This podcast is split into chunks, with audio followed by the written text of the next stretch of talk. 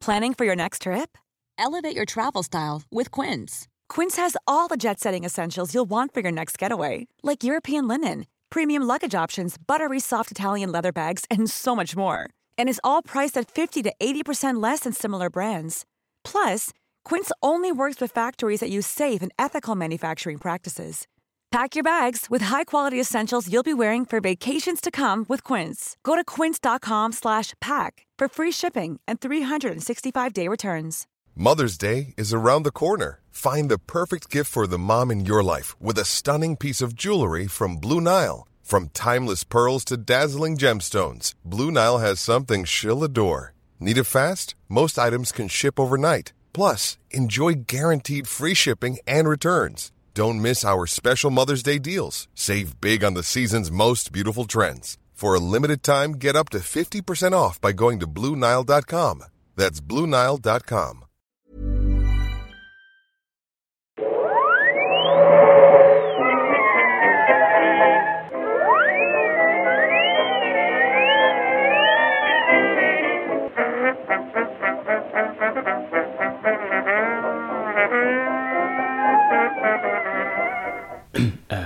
Eh, då börjar jag bara då. Hej och välkomna till podcasten Nörden och jag. Det är jag som är nörden, Fabian Lander. Ja, ja, så ja, så. Drick något. Drick något, Victor. Drick, drick, drick, drick. Så, så, så, så, så, så, så, ja, så, ja, så, ja. Så. Jag vet att din doktor säger att ja, du borde inte göra någonting just nu för att ja, du går på hårda mediciner, men vi släpper en show varannan torsdag så att eh, vi, vi måste bara köra.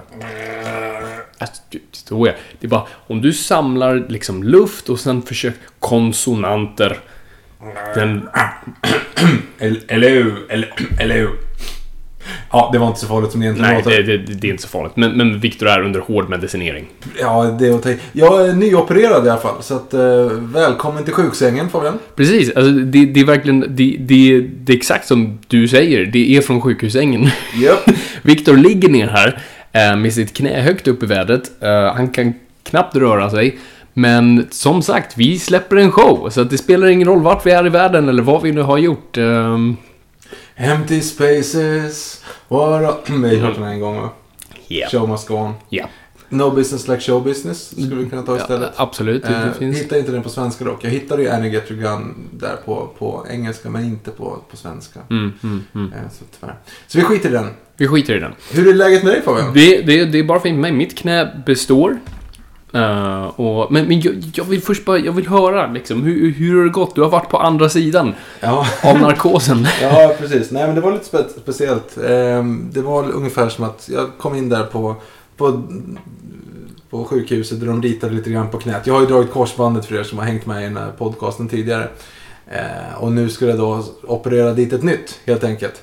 Och eh, ja, när jag kommer in och så får jag en sån här, eh, kommer någon och ritar lite streck med, med bläckpenna på knät och sen så lägger man in sig på en, en brits och sen så får man ett munstycke och så säger de du kommer somna om 40 sekunder. Och jag säger ha! 40 ska... Så att det gick jättefort. Mm. Eh, och sen så vaknade jag upp av att det var någon som pekade på mig och sa Hej, du har ett korsband. Mm. Så att nu har jag ett korsband. Nu har du ett, ett korsband igen efter Ja, förlusten av den. precis. Så att eh, nu ska jag vila och sen ska jag rehabba i nio månader. Det, är- det, det, det, är, det är mycket tid. Så att jag kommer strong as ever i, till höstsäsongen 2017. Det blir, det blir perfekt. Det, jag undrar hur, hur lång tid tillbringade Batman i Banes fängelse i Dark Knight Rises? Det är lite det jag, jag sits, satsar på faktiskt. Och framförallt att ha en sån där Magic Knee. Ja, ja, men, eller så kommer jag kommer bara att slå dig på knät och så är du fri- frisk igen. Har vi, provat vi, den? vi kan testa den. Om vi kollar om den filmen så kanske vi lär oss liksom vilka vinklar och hur hårt och sådana Mm, saker. mm. Jag måste ha en motivator bara. Ja, precis.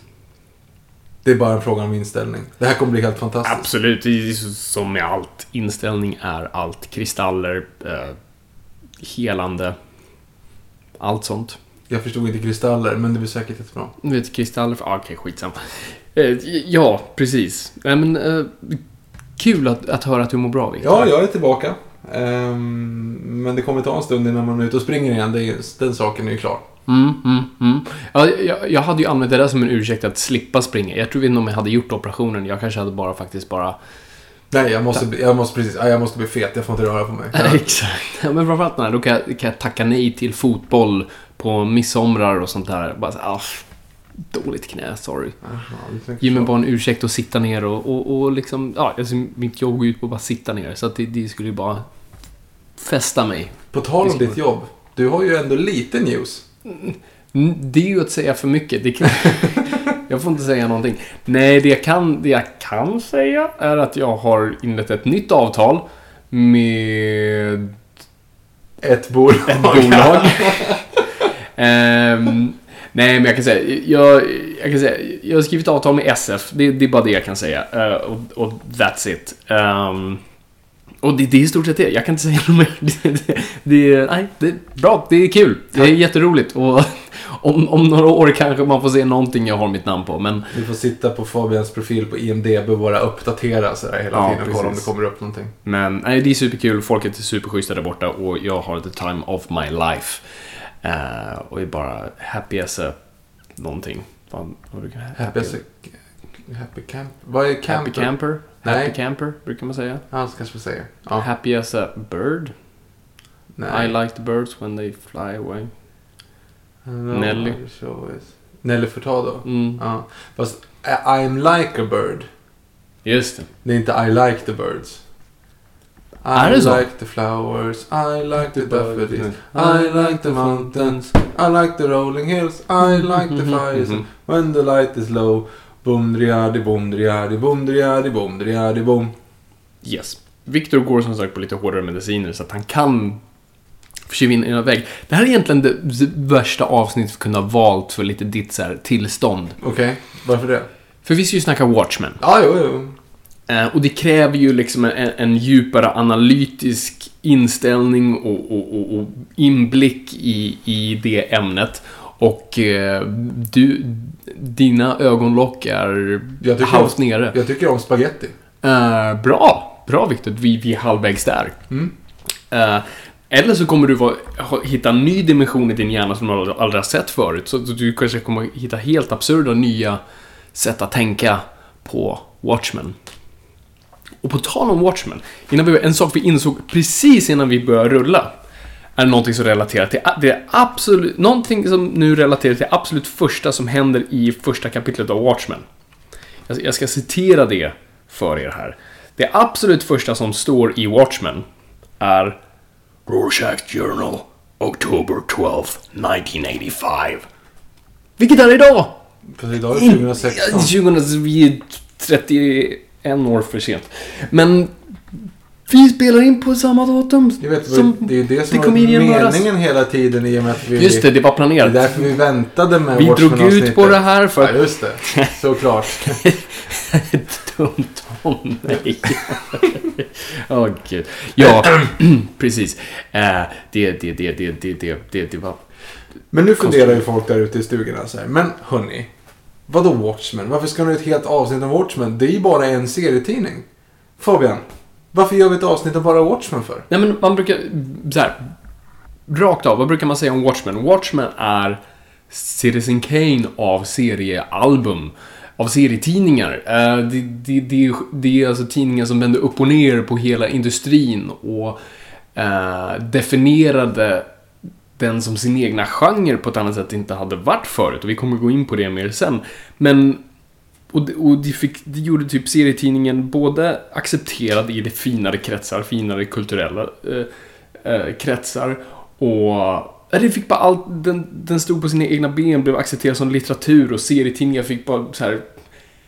Den fick den lilla blåa, du vet, checkgrejen på Twitter man får när man är verifierad. Ah, Så kan man säga. Om serietidningsbranschen var Twitterkonto så var det efter Watchmen den fick en verified grej. Eh, Så, nu kids kan ni förstå vad jag menar.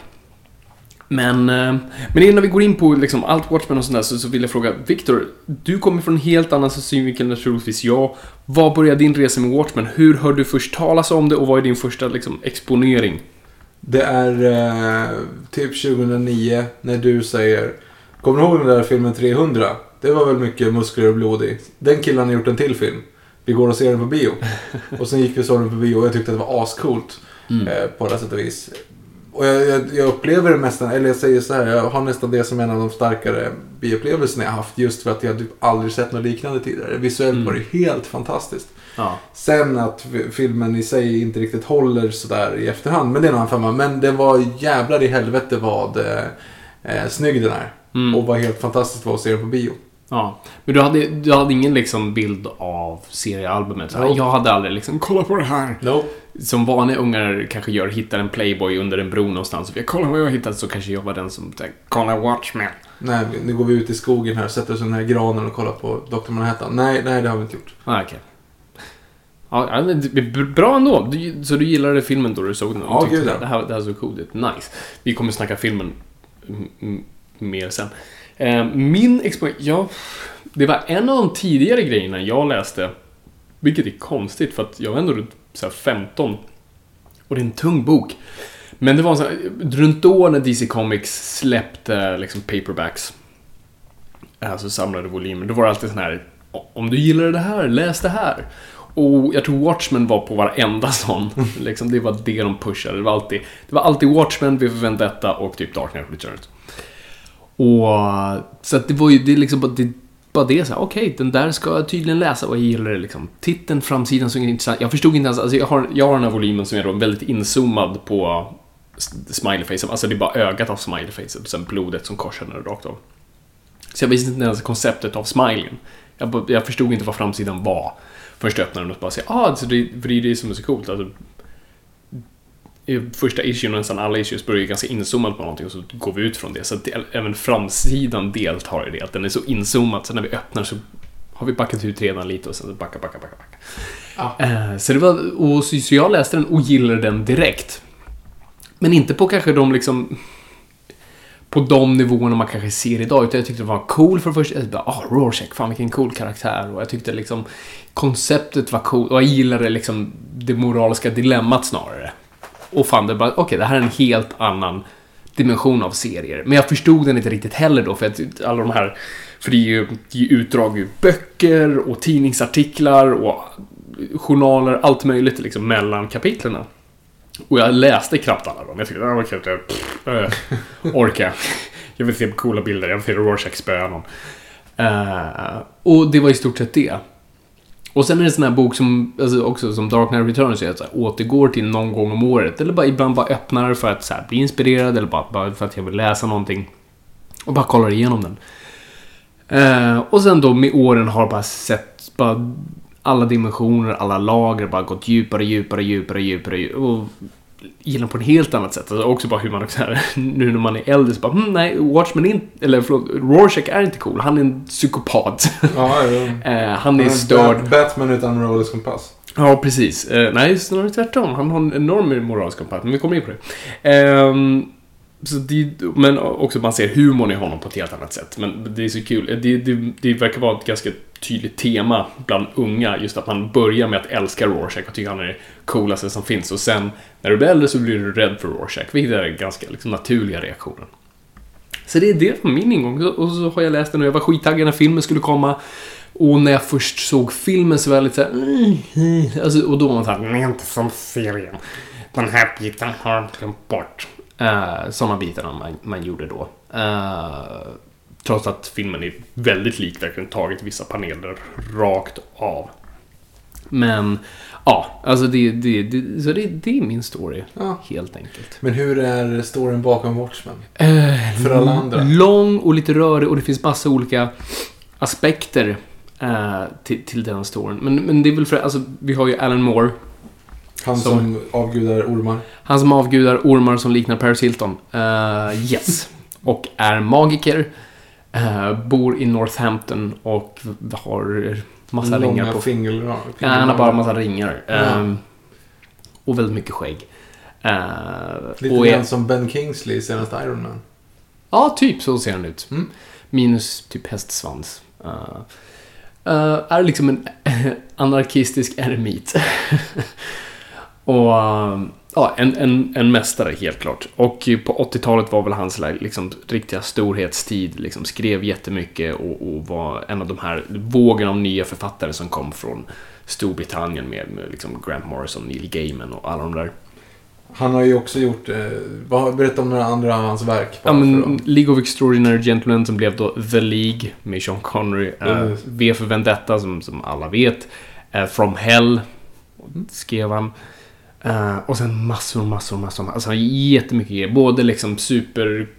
Han har skrivit Batman. Killing Joke är väl då hans liksom seminal work. Men sen också väldigt udda, liksom verkligen independent comics. Så att han är liksom högt och lågt och fint och fult. Liksom, det har inte funnits någonting han inte har berört på så vis. Och oftast är han rört inom etablerade grejer. Ofta så här, ah, vilken är en av de bästa Batman-storierna som har gjorts? Ja, ah, det många brukar säga Killing Joke trots kontroverserna runt den. Och bästa um, Superman-stories, ja ah, men det är ju The Man of Tomorrow. eh, och sådär. Så att han har ofta så skrivit... Och han har skrivit Man of Tomorrow då gissar jag på. Ja, precis. Nu okej. kommer, heter den Man of Tomorrow eller heter den... Glömmer bort vad hans Superman story heter. Nu är jag lite... Ja, Jag glömde bort vad han heter. Jag tänkte säga George Harrison, men det är inte han. de är Ja. lite lika. Ja, ja, ja. Eh, I alla fall liksom post-Indien-åren här, George Harrison. Mm. Ehm, ja, nej men så, så bara skitbra story. De daterade faktiskt hans, en av hans Superman-stories, som också är en av hans bästa, i, i första säsongen av Supergirl. Bara att de bytte då, att det var Supergirl istället som Ah, det här. jag har inte sett Supergirl. Inte jag heller, den är på HBO nu, så jag, jag, jag ska se den ehm, snart tänkte jag. För nu, det finns väl två säsonger? Nu är ju... Andra eh, säsongen rullar nu, typ, just- eller ska precis börja rulla, så det är Mm. första som är, som är tillgänglig. Eh, på HBO, och någon konstig anledning. i Sverige alltså. Den går inte på HBO, den är på CW nu. Skitsamma. Eh, så i alla fall, Alan Moore. Så Alan Moore är, är ganska poppis på 80-talet och DC Comics är vid, vid liksom mitten på, på 80-talet ganska... De, de vill förnya sig, de vill liksom uppdatera sig, down with the kids, göra någonting liksom nytt. Så de vill testa de här nya författarna genom att egentligen bara ge dem massa liksom, antingen licenser eller karaktärer. Bara här, gör vad du vill med det här. Alltså liksom de gjorde med Frank Miller och The Dark Knight. Det var i stort sett bara hej, här har du Batman, gör vad fan du vill med honom. Utanför kontinuitet så bara lek loss. Eh, och samma sak var, var snacket runt Alan Moore och de frågade vad han ville göra. Och han ville göra någonting som var kring... Alltså, DC Comics har ju ibland köpt upp vissa andra så här. Precis som de köpte Shazam. Alltså eh, Captain Marvel. Som inte är Marvels Captain Marvel. Va? Jag tror jag nämnt det här förut. Snabb recap Okej, för oss det- som inte förstår. När Superman var som populärt på 40-talet så gjordes massa eh, knockoffs. Mm. Eh, billiga kopior. En av dem var eh, Captain Marvel som var en ung pojke som stötte på en trollkarl som ger honom magikrafter i stort sett. Så varje gång han säger Shazam så blir han en fullvuxen man. Va, va, varför? För det är coolt. Och det, men problemet med det var ju just att den karaktären blev mer populär än Superman. Vilket ingen hade, så, så, så DC Comics stämde dem och sen köpte karaktären. Och det är lite så de, de har pysslat med. De, när, när något företag liksom har gått ur smaken så, så köper de upp dem eller om det bara de har försvunnit. Eh, så att eh, så hade de uppe några som eh, Charl- Charlton Comics var ett företag som heter. Och de hade kanske deras mest kända superhjältar var The Question och Blue Beetle. Som jag vet att du inte vet vad det är. Nej. Nej, det är i alla fall några superhjältekaraktärer. Okej. Så de har precis köpt dem, eh, de rättigheterna. Så Alan Moore var intresserad av att ta alla de karaktärerna. För de var ändå arketyper vi kände igen. Och, och i stort sett göra, liksom bara uppdatera dem och, och berätta, berätta en story med dem.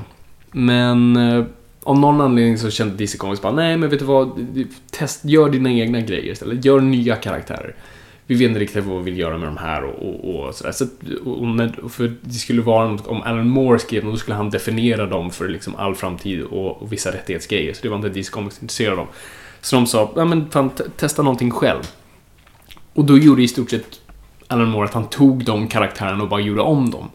Så att Blue Beetle var fortfarande men det blev Night Owl, The Question blev Rorschach och sådana där grejer. Så att han tog igenom, men, men det är fortfarande arketyper vi känner igen. Så Rorschach är ju väldigt mycket en Batman-karaktär. Japp. Men också kopplar till The Question och Mr. A och massa andra grejer och...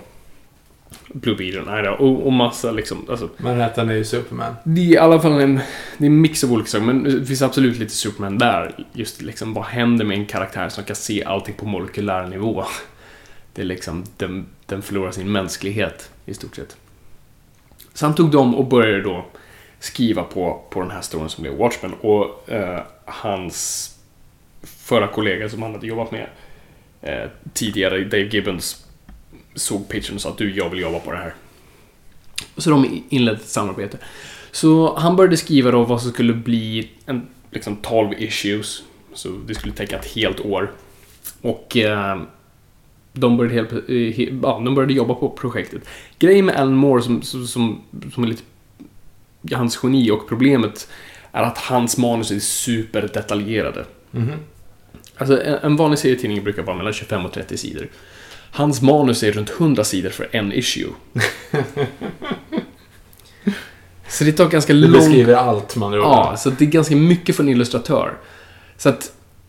Alltså det finns ingenting han inte har beskrivit ännu. Det- Liksom så här, en poster på en vägg, liksom, färgen på gatan. Liksom, finns det någon liten grej i luften? Som, alltså det, det finns ingenting han inte har rört vid. Eh, och, då, och då skriver han det också, det är inte som alltså, när vi skriver i manus.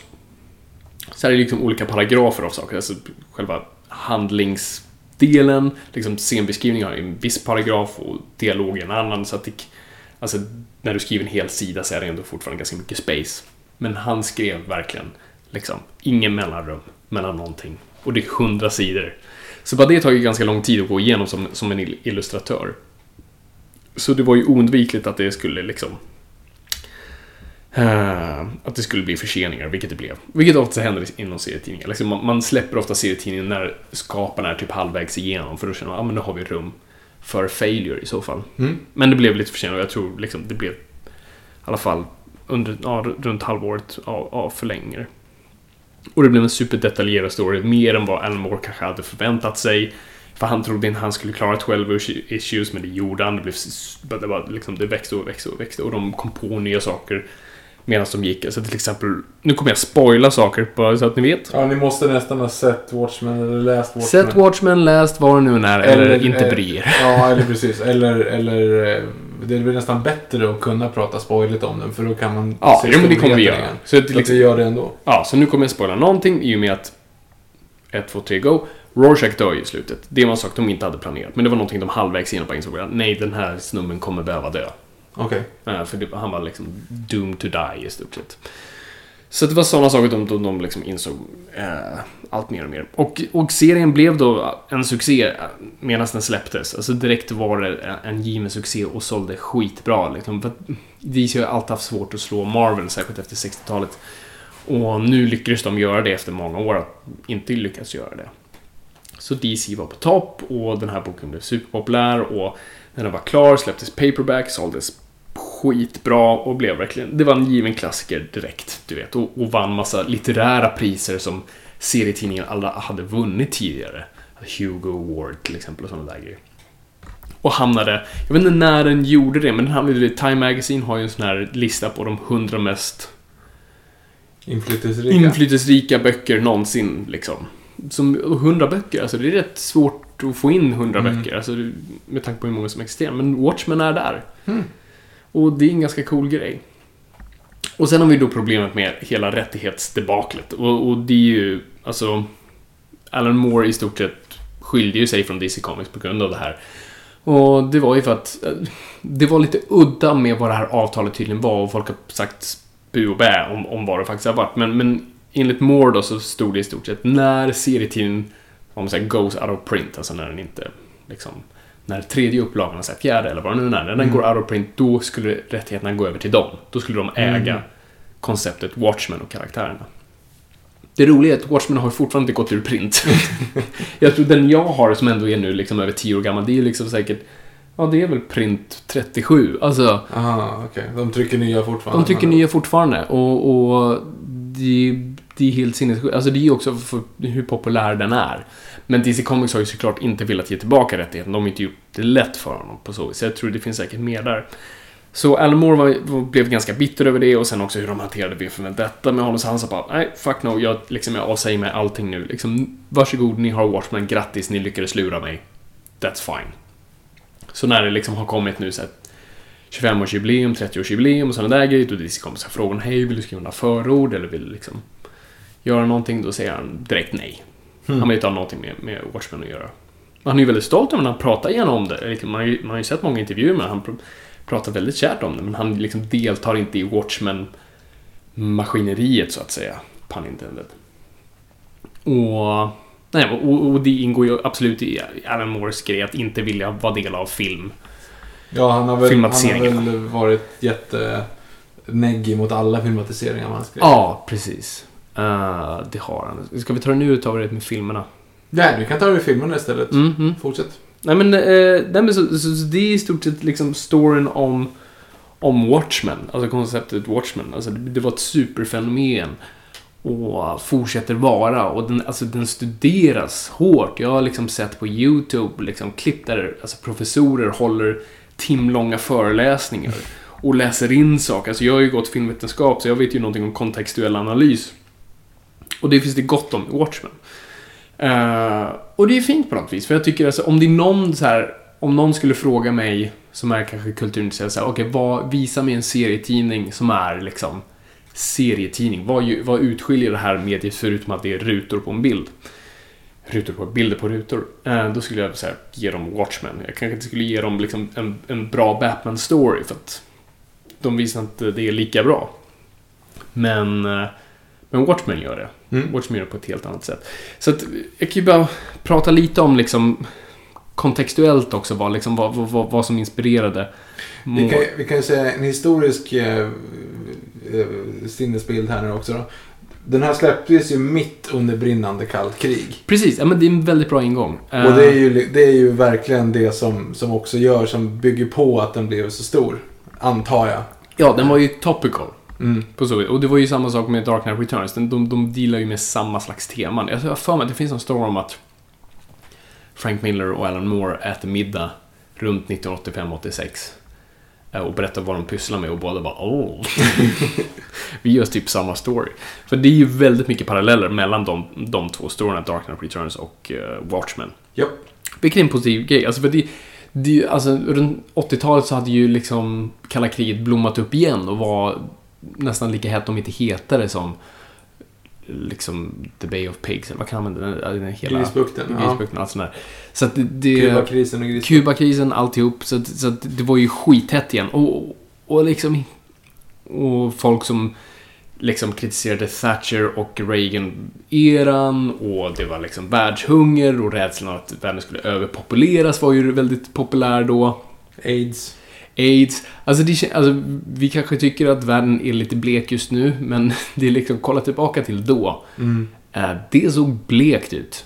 I alla fall liksom rent objektivt så kändes det blekt. Berlinmuren, allt annat.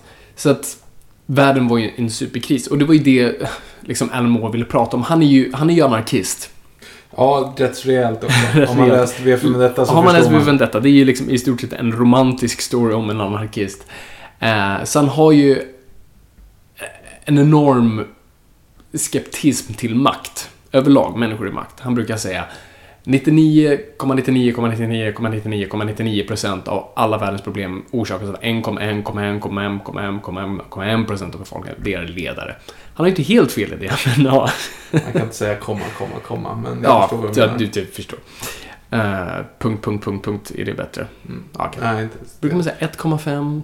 Jo, man kan ju inte säga 1,1,1. Man säger ju 1,1,1,1,1. Ah, just det. det gör man. Inte 1,1,1,1,1,1. Ja, vi, Skitsamma. Vi ser vem som hade en riktig utbildning här Jag förstår principen.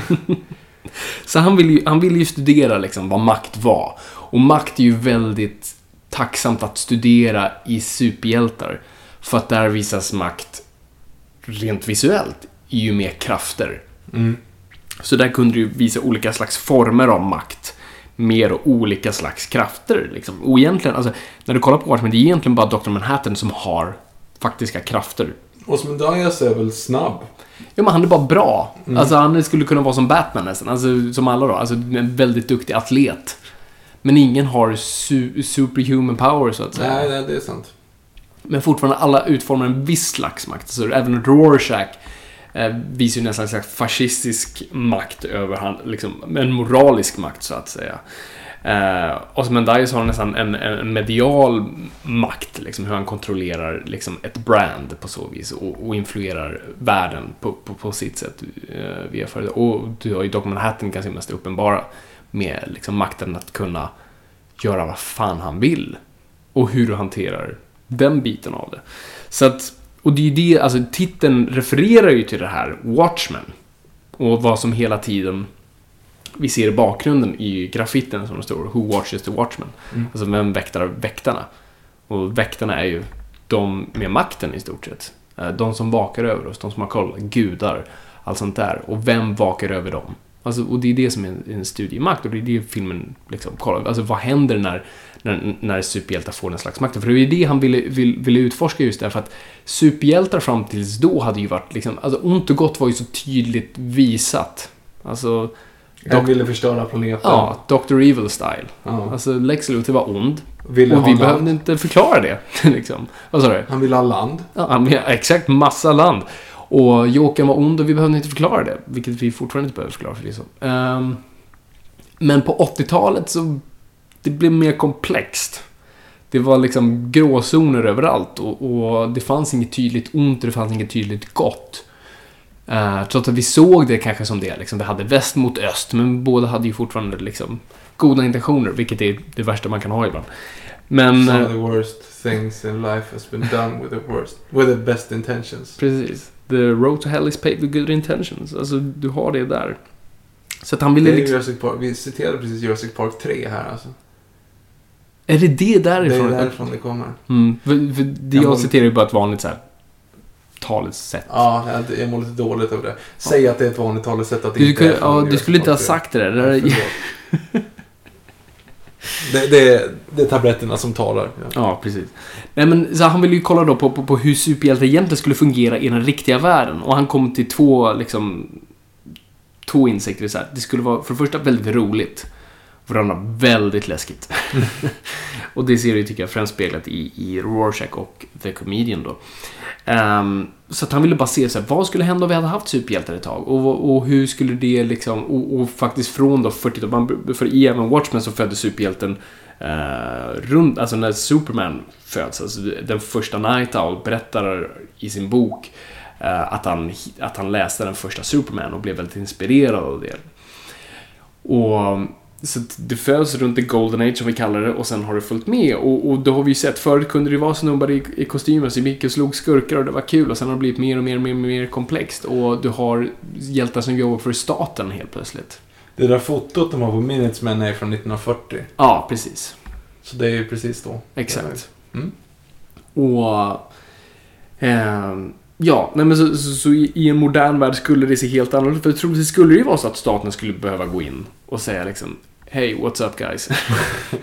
uh, och vad, vad händer med en värld som helt plötsligt faktiskt bemöts av riktiga superkrafter? För ännu en gång, ingen av de här superhjältarna från Minutemen hade ju superkrafter. Det var ju bara liksom snubbar i, i masker som, som gillade att, att slå folk och liksom tog lagen i sina egna händer. Och, ins, och inspirerade och var ju liksom amerikanska symboler som, som The Comedian som är nästan en Captain America slash eh, Nick Fury-karaktär. Och Silk Spectre också som är nästan som pinuppa som sitter, ja, som i filmen sitter på flygplan liksom på vägen dit. Ja, gud. Alltså du vet, blir, blir inspirerande symboler. Men så han, han ville liksom titta på det i, i, då en, i en modern kontext. Och, och titta på hur det faktiskt skulle liksom hur det skulle se ut på riktigt. För det, till exempel också i Hollis Masons bok då, eh, så, så pratar de om att liksom, han stötte på sin gamla arch enemy på, på ICA. Alltså i matbutiken och de liksom så bytte nummer och så, pratade om gamla goda tider. Och en superskurk får cancer. Moloch till exempel. Mm. Alltså att det finns de här väldigt bleka, verklighetstrogna konsekvenserna till det. Liksom att, nej men su- superskurkar skulle troligtvis inte le, liksom hålla på för evigt. Och superhjält och saker kan gå fel. Alltså en- en av de här gamla superhjältarna hamnar ju på liksom, sinnessjukhus.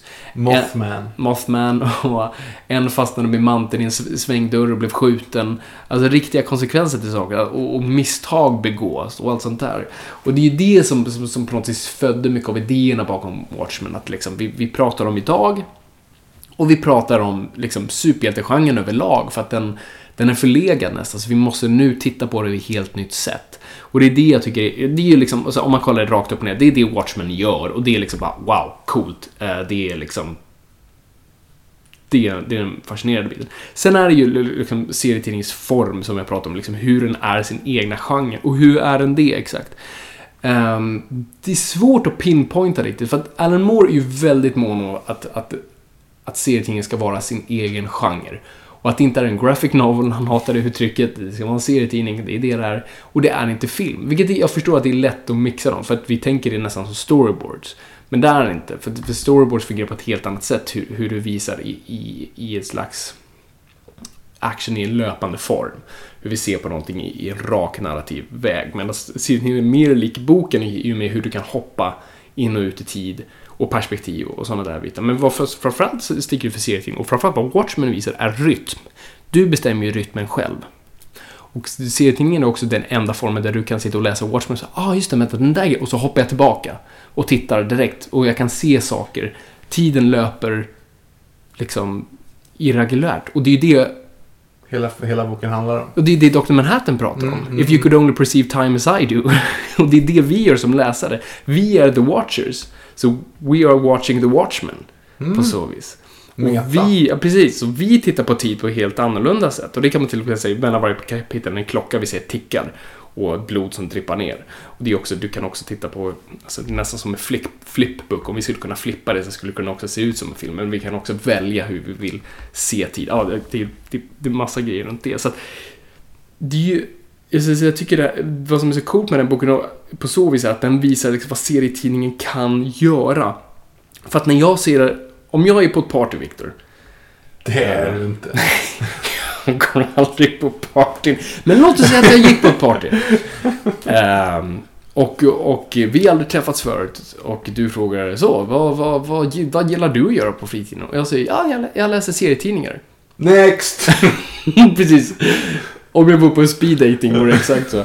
Ehm, och det är det som är lite problemet. Men säger jag, ah, jag gillar film, då, då går den personen där, ah, jag är intressant. Eller om jag säger, jag gillar böcker, ah, vad kul. Men det, det är ju inte som att en person, om jag säger att jag älskar böcker, då säger inte personen bara, åh, vadå?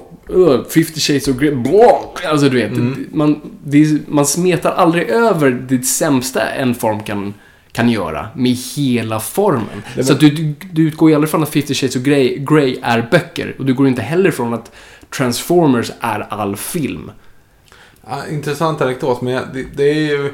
Det, jag har inget riktigt argument mot det där, men jag antar att det har att göra med att när du var liten att du läste typ Bamse och Kalle Anka Och att det är den enda referensen du har till serietidningar. Exakt.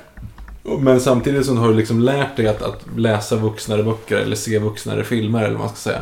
Men serietidningen var det många som stannade där vid Bamse och Kalle Anka, så det är kanske är det perspektivet du har kvar liksom. Ja. Alltså jag, Jo, jag, jag köper argumentet, det är ju faktiskt väldigt konstigt. Mm. Nej men absolut, och, alltså, jag förstår ju varför. Men det är så kul att folk bara har då inställt sig på att det här är en barnslig grej och det här är något vi ska se ner på. Och folk skulle, liksom, skulle jag ge jag- man kan inte ge Watchmen till vem som helst. Alltså den är ju väldigt intellektuellt utmanande. Du måste ju verkligen sätta dig in för det. Eh, så det är ju inte Kalanka Som jag älskar för övrigt. Ja, ja, en He- Helge. Det är, det är en bättre grej. Fast Helge är också jättefint, så jag vill inte trycka ner någonting. Allt är fint, inget är fult. Ehm, nej men så... så Jag bläddrade i en sån här Disneys älvor och en sån Oh. här typ Disneys bilar. Du vet, en sån här Mm. som inte ens är serietidningar längre utan som mer är typ så att du, du köper det för att få någon sån här skitleksak och så har du också Mm. en blädderbok med. Och det är typ fem sidors historia bara. Det är så sjukt med moderna. Alltså, när vi prenumererade på Kalanko Company, eh, som var fantastisk. Framförallt när det var en Don Rosa story, eller, eller Karl Karl Barks. Eh, det var verkligen en jackpot-vecka. Så varje fredag, det var det bästa, du vet, man hade varit i skolan, man visste när man kom hem så väntade en Kalanko Company på en. Och, du öppnade, och då var det liksom en leksak med. Och det kunde vara skit, som en liten sån här slimehand du kunde fånga papper med.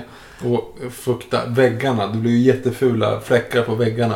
Ja, ja, och de, blev, de samlade damm och de blev skitäckliga och bildade sitt eget ekosystem och tog över ditt rum. Ja. Och du sa, mamma gå inte in där, den äter människor. så du hade den biten och sen hade du liksom kanske lite... Vad, vilken var det bästa Kalle Anka-leksaken du kan komma på?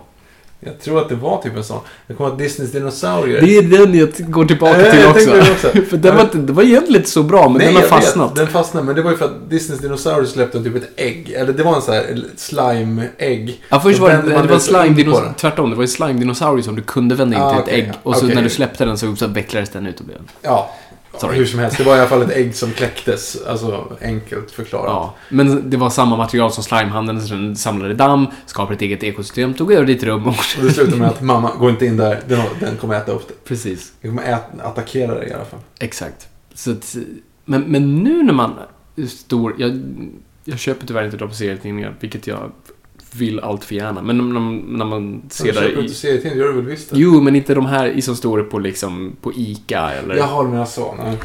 Då är det ju liksom, du ser ju inte ens tidningen för det är en påse med leksaker. Ja. Och tidningen är bonus. Det är, en, Ja, det är ett upplevelsepaket snarare. är det så man kallar det? Nej, ingen aning. Jag bara kom på det nu. Kostar säkert ap mycket pengar också. Ja, och, och det är liksom bara en massa prylar, det är säkert godis, det är massa andra grejer. För det kan vara rätt roligt ibland. Vi fick ju faktiskt eh, av våra respektive eh, som belöning för en bra poddmånad varsin tidning. Ja, det är de jag har som referens just då. Det var ju en Star Wars och en typ Justice League eller vad det var. Ja. Men det var ju ingenting i dem. Alltså det var Nej, ingenting. tidning, det var ju ingen, det var inte ens en tidning, det var typ två sidor story, sen var det typ ritbok och sen var det liksom, gör den här labyrinten och sen ja, var det dra någon ett streck typ. mellan Batman och, och Ja. Batman. Alltså, De... Precis. Sen måste jag säga, leksakerna var ganska kick-ass. Du fick Batmobilen i Lego från Batman vs Superman. mhm. Och en... eh, inte en grappling gun, men typ som du kunde skjuta mini-batarangs från. Ja, du ser. Det var ändå rätt bra. För du ser, du, till och med du är ju såld på att du hellre vill ha leksaker än serietidningen. Alltså, ja. Förstår du varför, varför serietidningar blir fulkultur när ni, Mm, när ni börjar köpa grejerna för leksakernas skull? fan. Skit också. Ja. Ja, okej. Fortsätt med Fantomen och. Agent X9 i alla fall. Har vi pratat om hur jävla konstigt det är att Fantomen fortfarande går i DN? Att de här tre eller fyra rutorna, Fantomen, den, sitter det någon och har koll på det där? Det är det. Jag tror att det är i alla fall två personer som gör det och blir skitsura om de skulle lägga ner det. Ja, men de, alltså det är helt omöjligt att komma ihåg vad, vem, vad som hände för typ två veckor sedan. Nej, nej, jag, jag håller helt med. Liksom. Hur Eller kan det följa tre rutor och sen... ut, de kanske klipper ut dem där och sätter upp dem på en vägg. han De kanske kan känner att de tjänar pengar istället för att då köpa eh, den faktiska Fantomen-tidningen. Ja, Som har färg. Ja, men ja, nej, det, det, det är unikt. Ja, det är, det är en av de här små traditionerna. Det är kul att hitta ibland så små traditioner som, okej, det här har funnits sedan 40-talet. Mm. Och det är liksom bara, ingen har ifrågasatt det, det är bara att gå på löpande band. Då måste jag köpa rättigheterna på 60-talet någon gång och de bara löper de aldrig ut. Ja, precis. Ja, men det kan ju vara en sån här grej. Så, så länge de fortsätter publicera det, så är det, så får de det. Mm. Så det är säkert så här superbilligt för dem.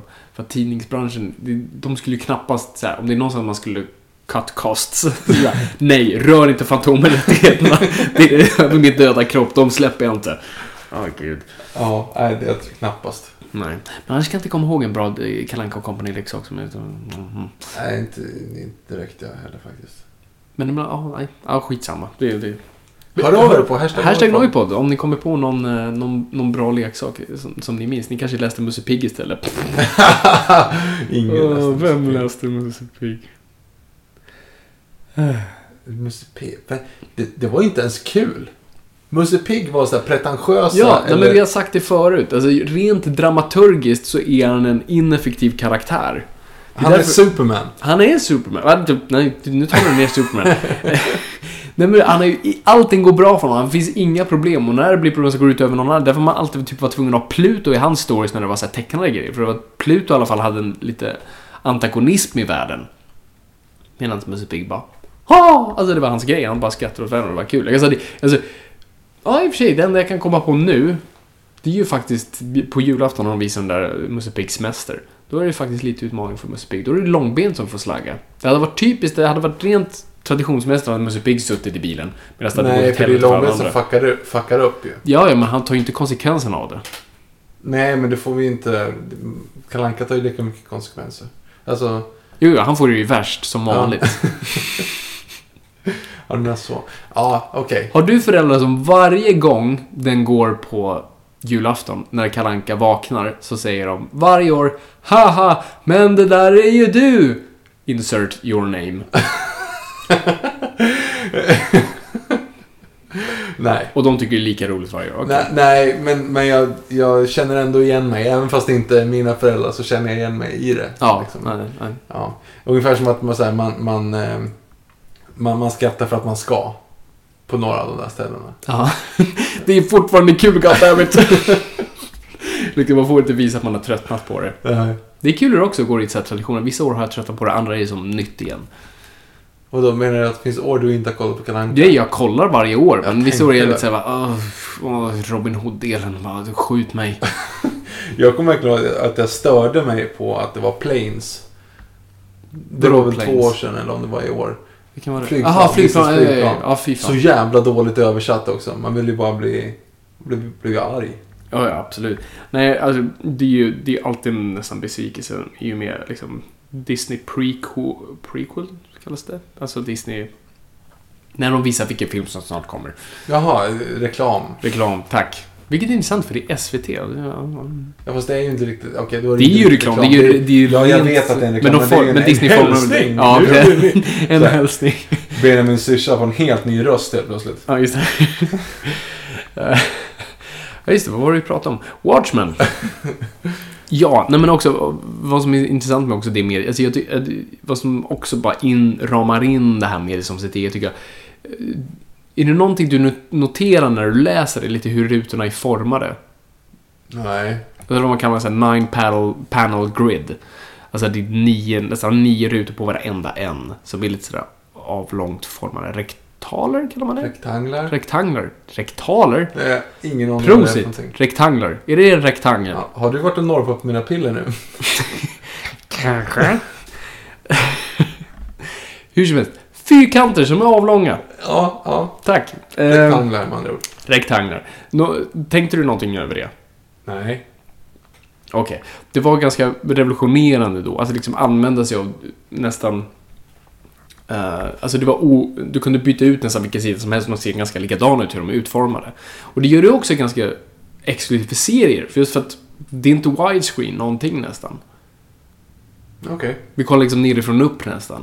Det är inte det här, för som serietidningen gör väldigt mycket nu, alltså serietidningen bråkar ju alltid med att efterlikna film. Och jag tror många skulle beskriva Watchmen som en väldigt cinematisk bok i och med liksom, det finns mycket så här inzoomningar som går ut och sådana där grejer. Men, men det, det är fel sätt att titta på det. För det, den gör det på ett helt annat sätt och vi tittar på det med ett öga som, som kanske inte... Nu är det lättare att göra det, men film gjordes inte lika som, som, som, som man gör nu. Liksom. En sån utzoomning var ganska omöjlig då. Medan nu kan vi hur lätt som helst göra det i datorer.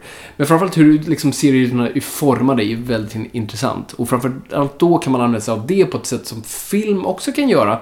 Men som är lite svårare, det är att repetera teman. Alltså repetera mönster. Repetera då till exempel smileyn. Smileyn som vi ser liksom, överallt nästan. Alltså, och, och smileyn speglar sig i klockan. Och, och, och klockan, ja klockan och smileyn kan man ju också titta på ifrån ett, ett, ett cirkulärt tema utifrån det vad jag pratar om narrativ med tid. Alltså att, att boken inte jobbar från ett, vad ska man säga, ett filmiskt rakt narrativ, alltså från A till B, utan ett cirkulärt narrativ. Den, den går runt i cirklar. Precis som klockan, precis som smileyn är formad, så är det väldigt mycket runda teman. Och det är därför också boken börjar där den slutar. Den börjar med The End is Nigh i stort sett, med skylten, vi ser Rorschach med skylten. Um, vilket är ironiskt, för sen när vi är i slutet så är vi i stort sett i början, för det slutar med boken som Ja, plockas just upp av den här tidningen. Och de börjar läsa boken som vi kan då göra igen, läsa det de läser. Och så det liksom, det går runt i cirklar hela tiden, den snurrar i stort sett. Det kan du inte göra film på samma sätt. Det enda jag kan gå på lite som gör det, det är typ Memento. För den snurrar. Fast den snurrar ju inte, den går ju rakt bakåt istället. Jo, förvisso. Ja, jo precis. Men det, eller, det enda som får det, det är att de liksom, den börjar ju från början och de möts ju i mitten och sen korsar varandra. Du har ju det svartvita Ja, och just sen det. har du Det färg. och svartvita sen- möter du Mm. också. Nej, det är sant. Men som sagt, den gör inte heller det 100% utan det här är också serietidningens sätt att visa ett nytt narrativ. Ett cirkulärt narrativ. Vilket gör det ascoolt. Kolla på det nästa gång, eller om ni inte har läst den. Eh, för guds skull, läs den. Eh, Gå och köp en bok. Gör Alan Moore mer ledsen och besviken. Det är så kul när man... Det är, det är kul när man är på Comics Heaven då, som, som vi ofta pratar om här. När man går till dem och har lyxen att vara deras källare, eller bara när man ser bakom disken. Det finns typ två serier, två, tre serier de alltid har så här stockade på rad. Liksom. Det är Watchmen, Killing Joke och jag tror Dark Knight. Eh, De, liksom, de har alltid extra på dem för att helt plötsligt kan det vara en helg då folk helt plötsligt får för sig att köpa Watchmen. Och då ryker de som smör i solsken. I see. Yes. Um, nej men vad som också är är fascinerande med Watchmen, är, och vad många pratar om, det är ju liksom moralen av storyn. Och här kan ju du också flika in. Alltså det är ju, Mm.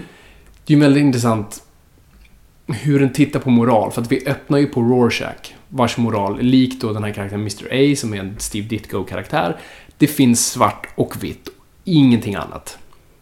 Vi har ett val som människor, i det han argumenterar. Liksom, vi gör ett val att vara antingen svart eller vit, god eller ond, och vi gör det aktivt. Och vi väljer, och väljer vi fel så måste vi ta konsekvenserna av det. Ja. Medan på andra sidan typ Dr. Manhattan som kan förutse saker. Så tyder det på ett öde. Liksom, är vi del av vår egen beslutsamhet eller är det någonting som redan lagts framför oss? Eh, och tas beslut för oss, vilket det sen gör av Ozymandias tar ju ett stort beslut för i stort sett världen genom att förgöra den. Offra några för att vi ska liksom bli bättre. Och där det ska... Killing millions. To save billions. Mm. Ja, Vi kollar precis på filmen. Ehm, nej men så, så den tittar ju också på liksom, vad är liksom, mänsklig moral och vad är alltså human nature så att säga. För att The Comedian pratar ju väldigt mycket om det. Vad är human nature? Han säger liksom We have to say them. Say them from, from what? From themselves. Mm. Eh, och det är ett tema som ekar. Och det är i stort sett som att boken säger att nej, men comedian har rätt. Att vi kommer hela tiden ha potential att förgöra oss själva. Och det är det också slutet säger. Att ja, visst, nu är världen bra. Det blev bättre. Det, det löste sig. Men Rorschachs bok existerar fortfarande. Så vad händer när den publiceras? När saker ställs i ett perspektiv av att alltså, aha, det var inte liksom som vi trodde. Kommer vi återgå till gamla medel? Eller kommer vi göra det ändå utan Rorschachs bok? Kommer vi bara liksom Men Rorschachs bok, han har ju inte riktigt slutet på den. Han visste ju inte att det var Osmendias. Jo, Varför han- han- Osmendias gjorde det. Han skrev, inte varför, men han skrev ju att det är vi ska dit nu, Ja. liksom. Jag vet inte om jag kommer leva eller dö. Jo, jo, men då har ju inte den här explosionen, då har ju inte Manhattan-explosionen skett. Nej, men jag, jag tror att han lö, ja, jag tror ändå man kan Han löser ju alltså han att, det, löser att det är. Osmendias som gör det. Ja, Men han har ju inte löst att det är, att det är han som gör Man- Dr. Manhattan-grejen. Alltså bomben, så att säga. Eh, I serien är det ju annorlunda, då är det ju inte Dr. Manhattan. Just då, är det ju, då är det ju Big alien. Alien Pussy Monster.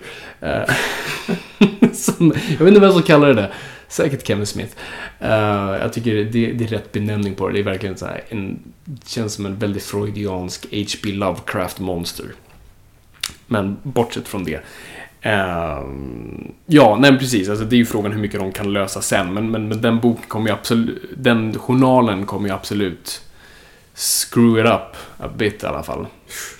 Uh, nej, men så, så den aspekten är så det är ju egentligen, alltså Ozymandias är ju inte bokens största skurk utan det är ju egentligen vi som är, alltså mänskligheten och också vi The Watchers ännu en gång.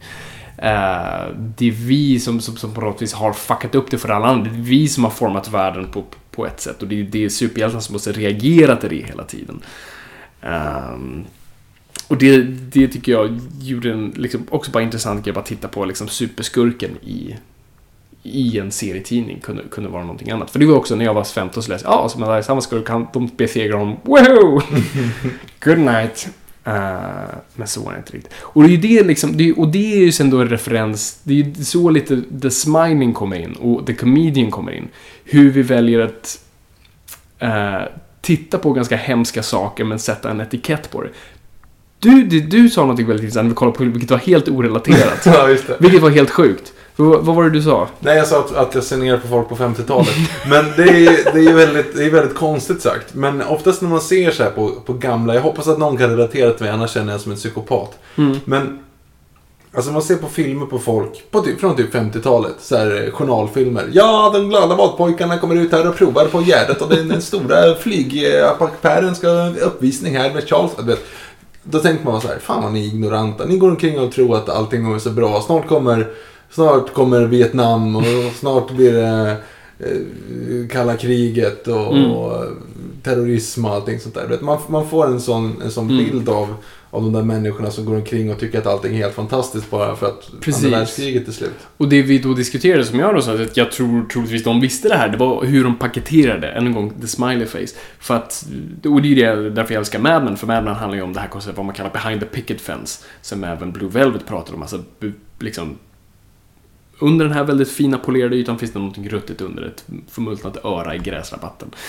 Ehm, och han det, inte Babak hade vetat det i Påskåsmiljonären.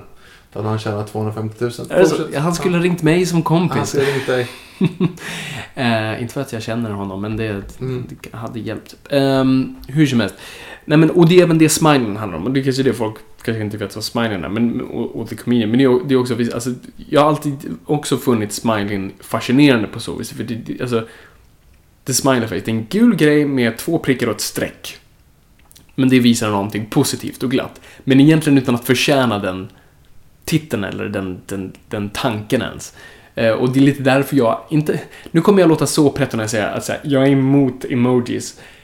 Jag är det, men jag är inte emot det så. Jag bara, du vet, jag använder alldeles sällan nej, nej. emojis. Och i grund och botten efter jag... Jag använder mer emojis mot dig bara för Ja, att jag vet att precis. inte tycker om dem. Eh, men det är bara för att jag aldrig fattade dem och jag försökte använda dem under tidig MSN-ålder och sen bara... När, när använder man hand med solglasögon? Jag förstår inte det här. och jag tänkte bara, nej, vet du vad? Jag, jag, jag, jag lägger ner det där. Jag orkar inte. Det ger, det ger mig för mycket ångest att tänka på det. Så att, bara, jag, jag, jag tar bort den biten så ger det mig en mindre huvudvärk. Så att ni på Twitter som tror att jag kanske låter arg när jag skriver med utropstecken, det är en positiv grej. tack är ett åh tack!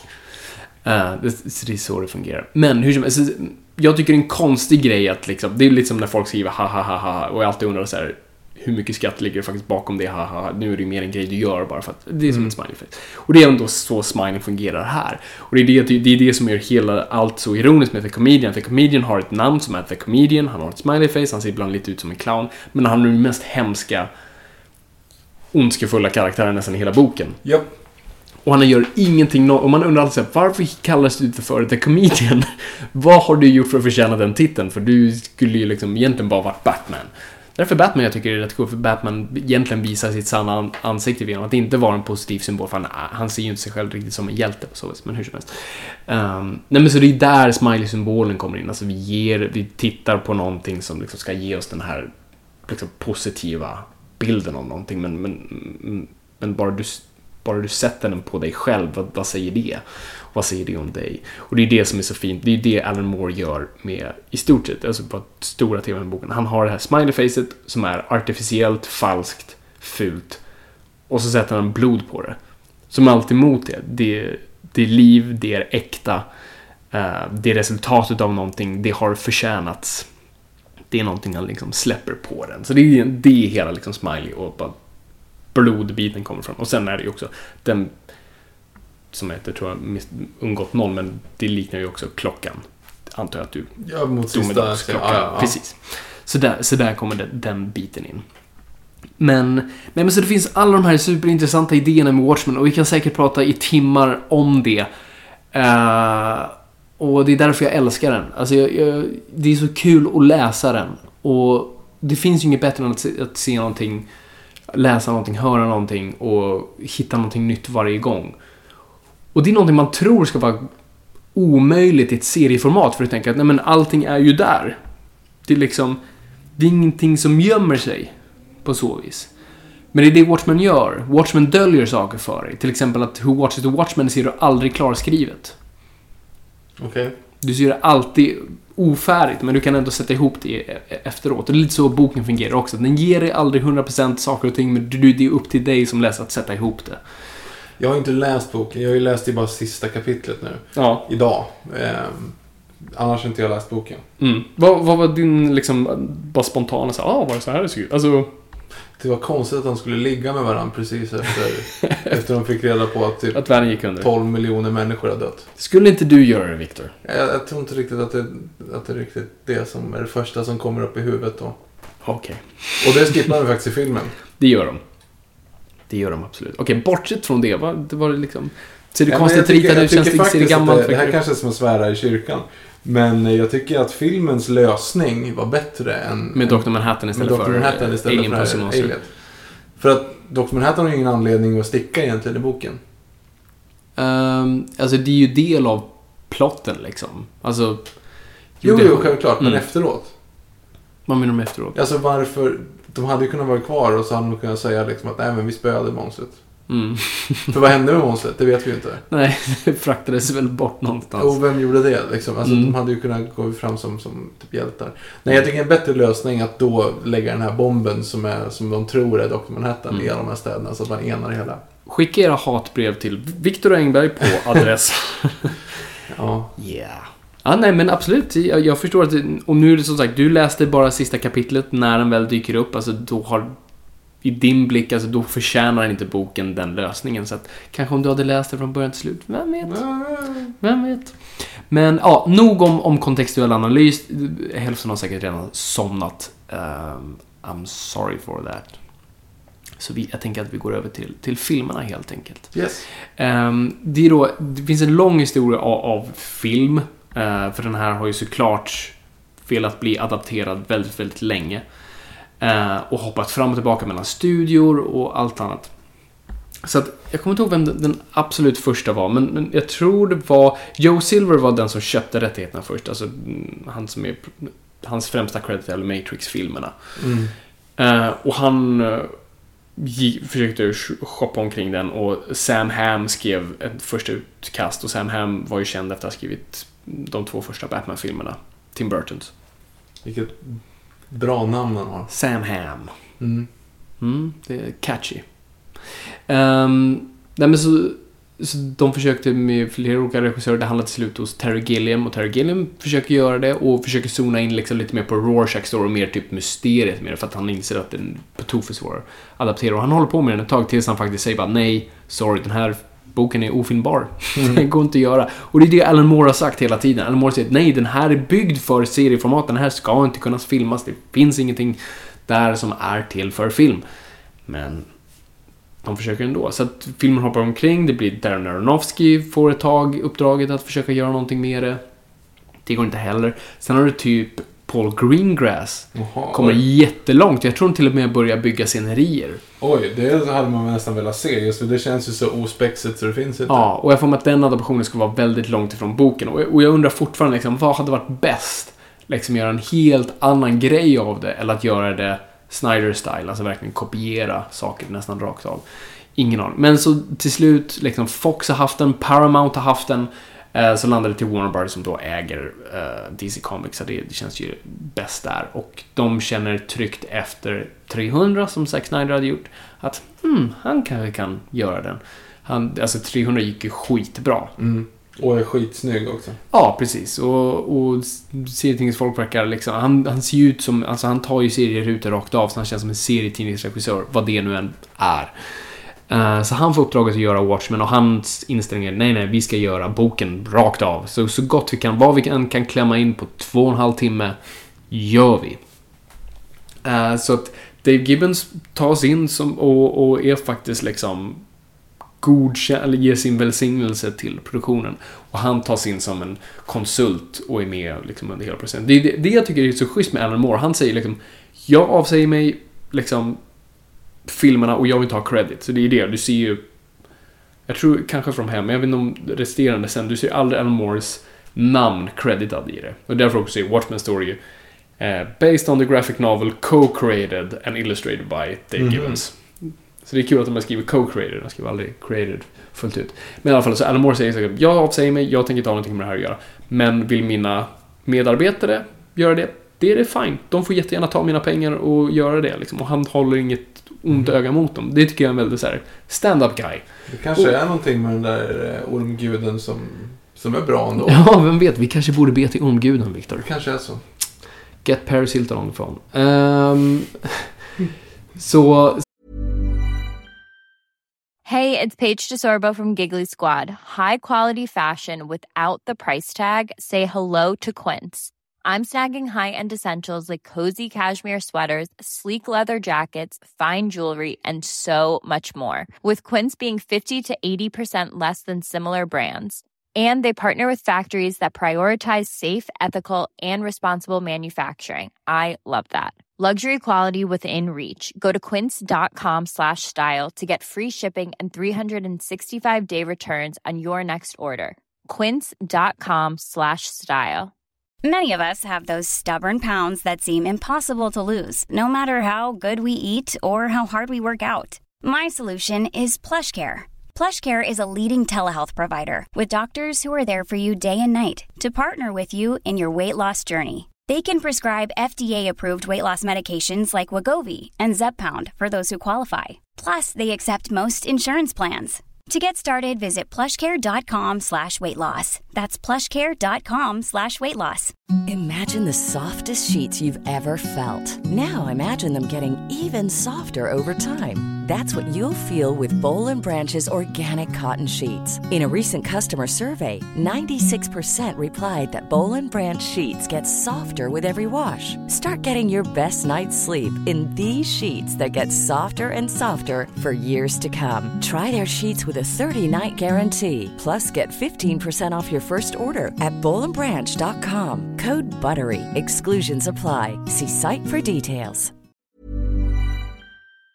Så Dave Gibbons i alla fall får vara med i, i processen. Och eh, Zack Snyder går liksom, gör hela biten. Alltså allt ifrån, liksom, och det glömde jag ju säga också i serietidningsformatet. Alltså, serietidningen var ju också revolutionerande hur den använde sig av färger. Den använde ett helt nytt färgschema som du aldrig riktigt sett förut. Alltså de vanliga serierna använde de vanliga färgerna vi ser, liksom, the primary colors. Och här tog han mer en neonblixt, så det är väldigt mycket eh, lila, väldigt mycket gult och grönt och brunt. Um, vad man ansåg var väldigt fula färger och liksom så här, såg väldigt konstiga ut och du var inte alls van vid det. Uh, det var väldigt revolutionerande. Och även det tar Zack Snyder in i liksom filmen. Att det här ska vara grundfärgerna för filmen. Alltså kläder, scenerier, ljussättning, allt sånt där. Blir då de här. Dock, dock filmen känns väldigt blå. Mm. Kanske mycket för Dr. Manhattan. Men Mm. det, det, den och är... den är också väldigt färglös egentligen. Den är ganska alltså, väldigt chromad om man säger så. Eh, medan serietidningen inte alls är särskilt blek. Alltså, man kan säga att Dark Knight Returns är väldigt blek. Istället för det ser ut som nästan uttvättade färger. Medan den här är väldigt, så här, väldigt färgstark. Trots att de färgerna är lite, lite udda. Men, eh, ja, nej men så, så, så den görs och eh, släpps till blandade recensioner. Och floppar. Den Ja. drar tillbaka sina pengar, men, men, men inte liksom... Den kostade 130, drog tillbaka 185 och som jag sagt tidigare, en film måste ju oftast gå minst sin dubbla budget. Men det är ju mer eller mindre okända skådisar också. Alltså Ja. det är ju inga dragplåster överhuvudtaget. Nej, och särskilt då. Du visste ju inte vem Jeffrey Dean Morgan var, du visste inte vem Malin Åkerman var. Eh, vad heter Rorschach? Harley? Hurley? Vet inte. Skitsamma. Han hade inte Mm. gjort Fredrik Krueger då i alla fall. Nej. Nej men det, det är ju väldigt, det är det är egentligen inga dragposter överhuvudtaget. En serietidningsfilm som kanske inte jättemånga i allmänhet Nej, precis. Alltså, det är ju, det är ju fortfarande, trots att det är den mest älskade serietidningsvärlden, serietidningsvärlden är inte en majoritet. Så att Watchmen är inte ett namn på så vis. Och den är R-rated också, vilket vi ska till, vilket och, är också och de, svår. de jobbar ju rätt hårt på det med blodiga yxor och könsdelar och allt. Exakt. Eh, det jag bara tycker är lite mer intressant. Jag är lite svag för den här alternativa, ti, alternativa tidslinjen eller vad man ska säga. Mm. Så här, what if? Om, Ja, det, om eh, Dr. Manhattan varit med i, i eh, Vietnam liksom, så Mm. hade det gått bättre. Eh, det, det är en väldigt rolig anekdot. Och sen så hela den här grejen med Ja men får du, får du döda Får du döda några miljoner för, för att rädda världen liksom. Mm. Eh, Det är en väldigt intressant där det inte finns det rätt eller fel. Jag satt hela tiden och funderade på Troja, vilket jag vet att inte du tycker om när jag gör. Ska du sitta här och jämföra Troja med Watchmen? Ja, men det, för det är samma sak där. Du håller inte riktigt på någon. Och här så visste man inte riktigt vem man håller på. Och man Mm. vet ju inte heller vad som händer med oss med Dias på slutet. Det är så här, Ja. ja. men då, då är vi kompisar, eller? Mm. Alltså, det blir ju en, en väldigt mysko sån avslutning. Mm. Ja, nej, jag, jag tycker för övrigt, alltså rent kontextuellt så gillar jag filmens utseende så inåt helskotta. Ja, absolut. Det är den är, helt den är ju skitsnygg. Jag satt och gapade flera gånger nu även när jag såg den liksom på, Mm. på Netflix. Bara så att det här är ju så häftigt så det finns inte. Mm. Men om jag ska vara helt ärlig så är man ju inte med i matchen helt vad Dr. Manhattan håller på med med alla sina klockor och grejer Mm. där i början gången man ser. Nej, det är det. För jag frågade den nästan när Ja. han bygger sitt jävla klocktorn eh, på Mars. Mm. Bara så här, vad, vad tänker du nu, Victor?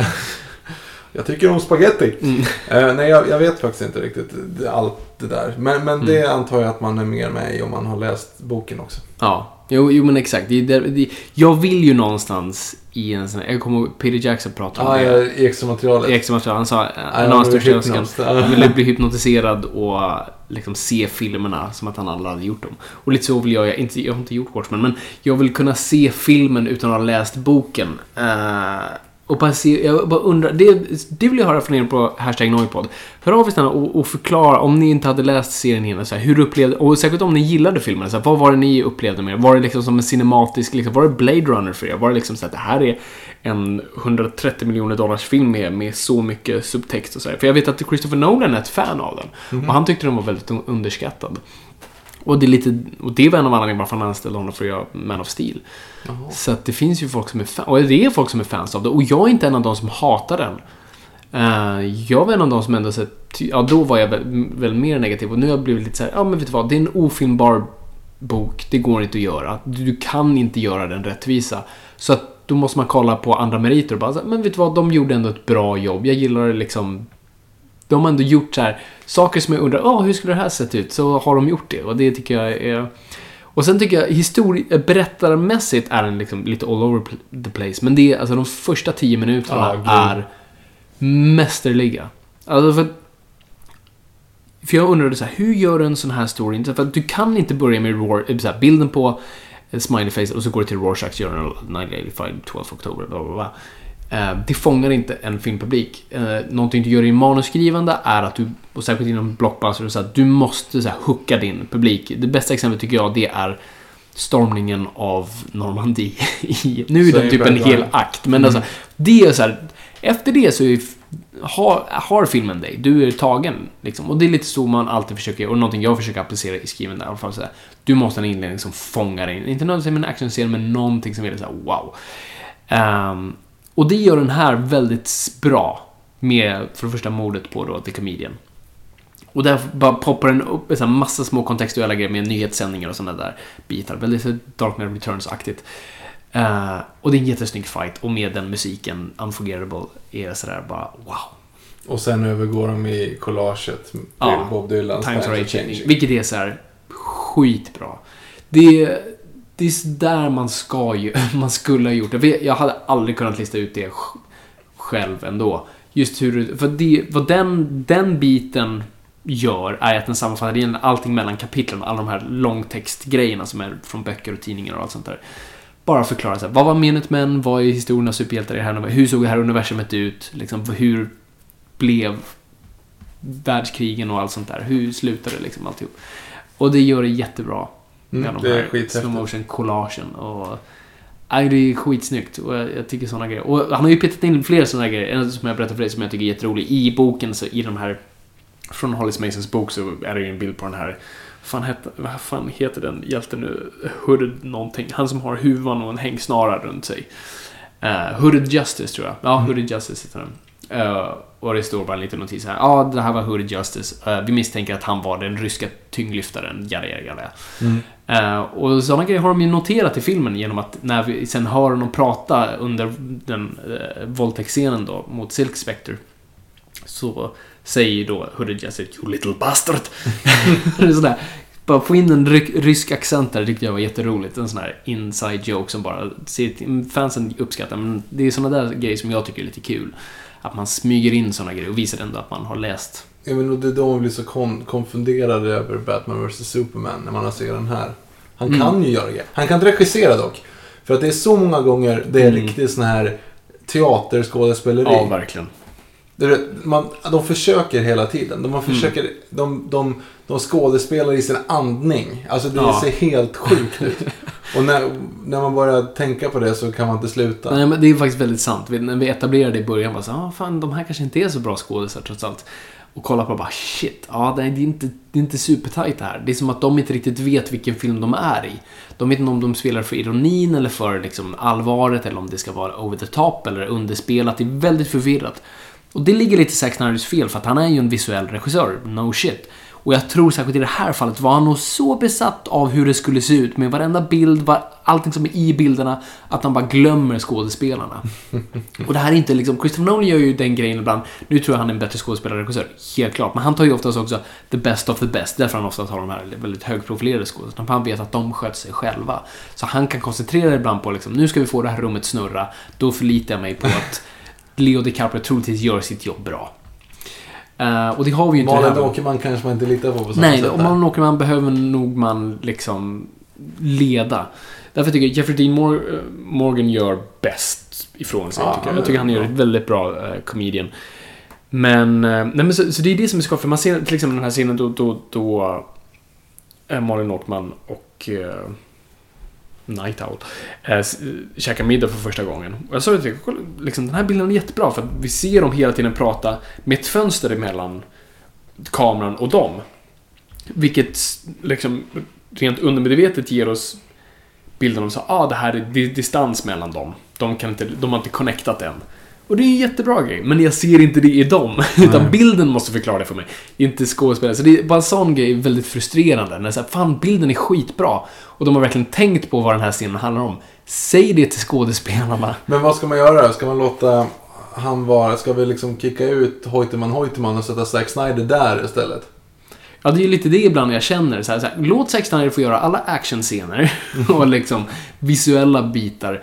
Eh, och kanske någon annan. Han, det, skulle varit så här, det skulle varit en duo. Så här, som bröderna Coen. liksom, bröderna Snyder. Den ena går, runt, går till skådisen och pratar. Nu, vet, alltså, nu gör ju inte bröderna Coen så. De, de delar ju på allt. Men alltså, om det vore så här i det här fallet. Så, så hade det ju varit perfekt. För Mm. Ja, då nej. kunde Zack eh, fixat det och så kunde Ruby Snyder regisserat. Ruby Ja, Jag bara kom, det var första namnet som poppade i mitt huvud. Ruby finns inte. Eller vem vet, kanske finns en Ruby Snyder. Hör av dig på hashtag Noipod. Jag drog det för långt. If you're listening. Please, control your brother.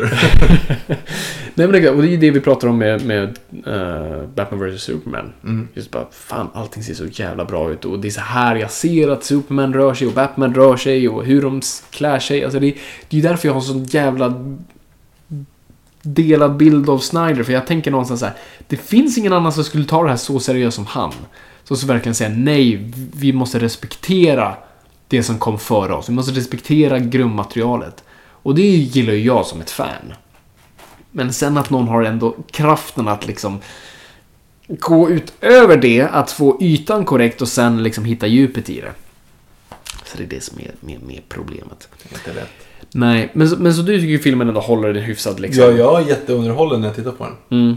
Nej men jag tycker, jag tycker, eller jag vet inte, nu när jag kollar så zonar jag ut lite och sådär. Och, och det är väl också för att jag kan storyn så pass väl och jag har sett Det den var några ju för att vi satt och snackade också. Jo, jo, absolut. Och jag, ja, jo, precis. Och jag satt ju och jämförde. Vi hade ju boken och jag har aldrig gjort det förr. Jag sitter och kollar i boken och så, ah, sa de verkligen sådär? Ah, vad intressant. Ah, de har flyttat den repliken dit. Ah, okej, ah, så det är inte Rorschach som besöker dem, utan det är Night Owl. Bla, och så börjar man sådär. Ehm, så det är ju, ja, så, absolut, så det är sant. Men ja. Sen, sen är ju musikvalet ibland lite weird. Ja, Se, Sexscenen i, i Archie till Leonard Cohens Halleluja är, Nej, nej, nej. är bara fel. Ja. Usch. Ja. Det blir fel. Och det är så konstigt, för att jag, jag är ju sån här, jag är principiellt mot sexscener. Sådär som man är. Som är, gud jag verkar så anti och väldigt, väldigt eremitig just nu. Jag gillar inte smileys och sexscener. Jag gillar inte glädje. Nej men så här. Jag tycker sexscener, det här är svenskar expert på. Jag förstår inte varför vi svenskar älskar sexscener. Alltså eller framförallt svenska regissörer älskar sexscener. Vi har dem i varje våra filmer. Ehm, jag tycker sexscener inte säger någonting oftast. Jag tycker det oftast bara är en grej att få se folk nakna. Och vi drar ut på det i fem minuter. Och jag är en sån här väldigt, jag är väldigt anal när det kommer till så här story. Drunters. och vad- Åh, fel ord. Ehm, nej men när det kommer till liksom, allting i en film ska oftast fylla en funktion, antingen för karaktären eller för storyn eller sådär. Och jag tycker inte sexscener gör det. Ibland kan det göra det, det är det. Jag är inte 100%. Säg en sexscen som för storyn framåt. Det är det här jag vill komma till för att sexscenen i Watchmen ska föra storyn framåt. För den säger både på ett ironiskt plan men också på ett storyplan av att han kan inte prestera. Han lever inte ut sina liksom sin personlighet 100% utan att han är i dräkten. Han har blivit dräkten. Superhjältar kan liksom inte gå i pension. De är för liksom inne i det. Han kan inte prestera sexuellt utan att ha, liksom, ha på sig sin dräkt. Det är en, liksom, fungerar kontextuellt. Men den scenen är typ fem minuter lång och de liksom gör saker vuxna gör. Ah, jag låter som jag är katolik. Ja, jag, Ja, jag nej, men så förstår du lite vad jag menar. Liksom. Ja. Den kunde, jag hade inte velat ta bort den scenen, men jag hade sagt kom in, gör bara 20 sekunder. Men tycker du inte att, att när den här lilla bebisen har bajsat på sig och, och lägger in honom i badrummet och Sven Wollter kommer, in, kommer ut där i sitt gråa linne och naken på underkroppen. Är vi där igen? Tycker inte du att det säger någonting om Sven Wollter? Det säger en del om Sven Wollter, men inte om filmen. Ja. Åh, Jesus. Nej, men så... Så att, ja, alltså, och jag är en person som älskar Eyes Wide Shut, för jag tycker all sex i den filmen säger någonting. men i vanlig film så bara, fan, kom igen, get to the point. Det är för mig så att... eh, Get to the point. För mycket sexscener och liksom för långa sexscener som inte... Det är för mig som liksom actionscener i en Michael Bay-film. Det är såhär, men vart är vi på väg Karin? Så att, ja, det, det har jag ventilerat lite där. Jag framstår som en enormt tråkig person just nu. Som inte tycker om Och emojis. folk kommer absolut inte för att prata med mig på partyn.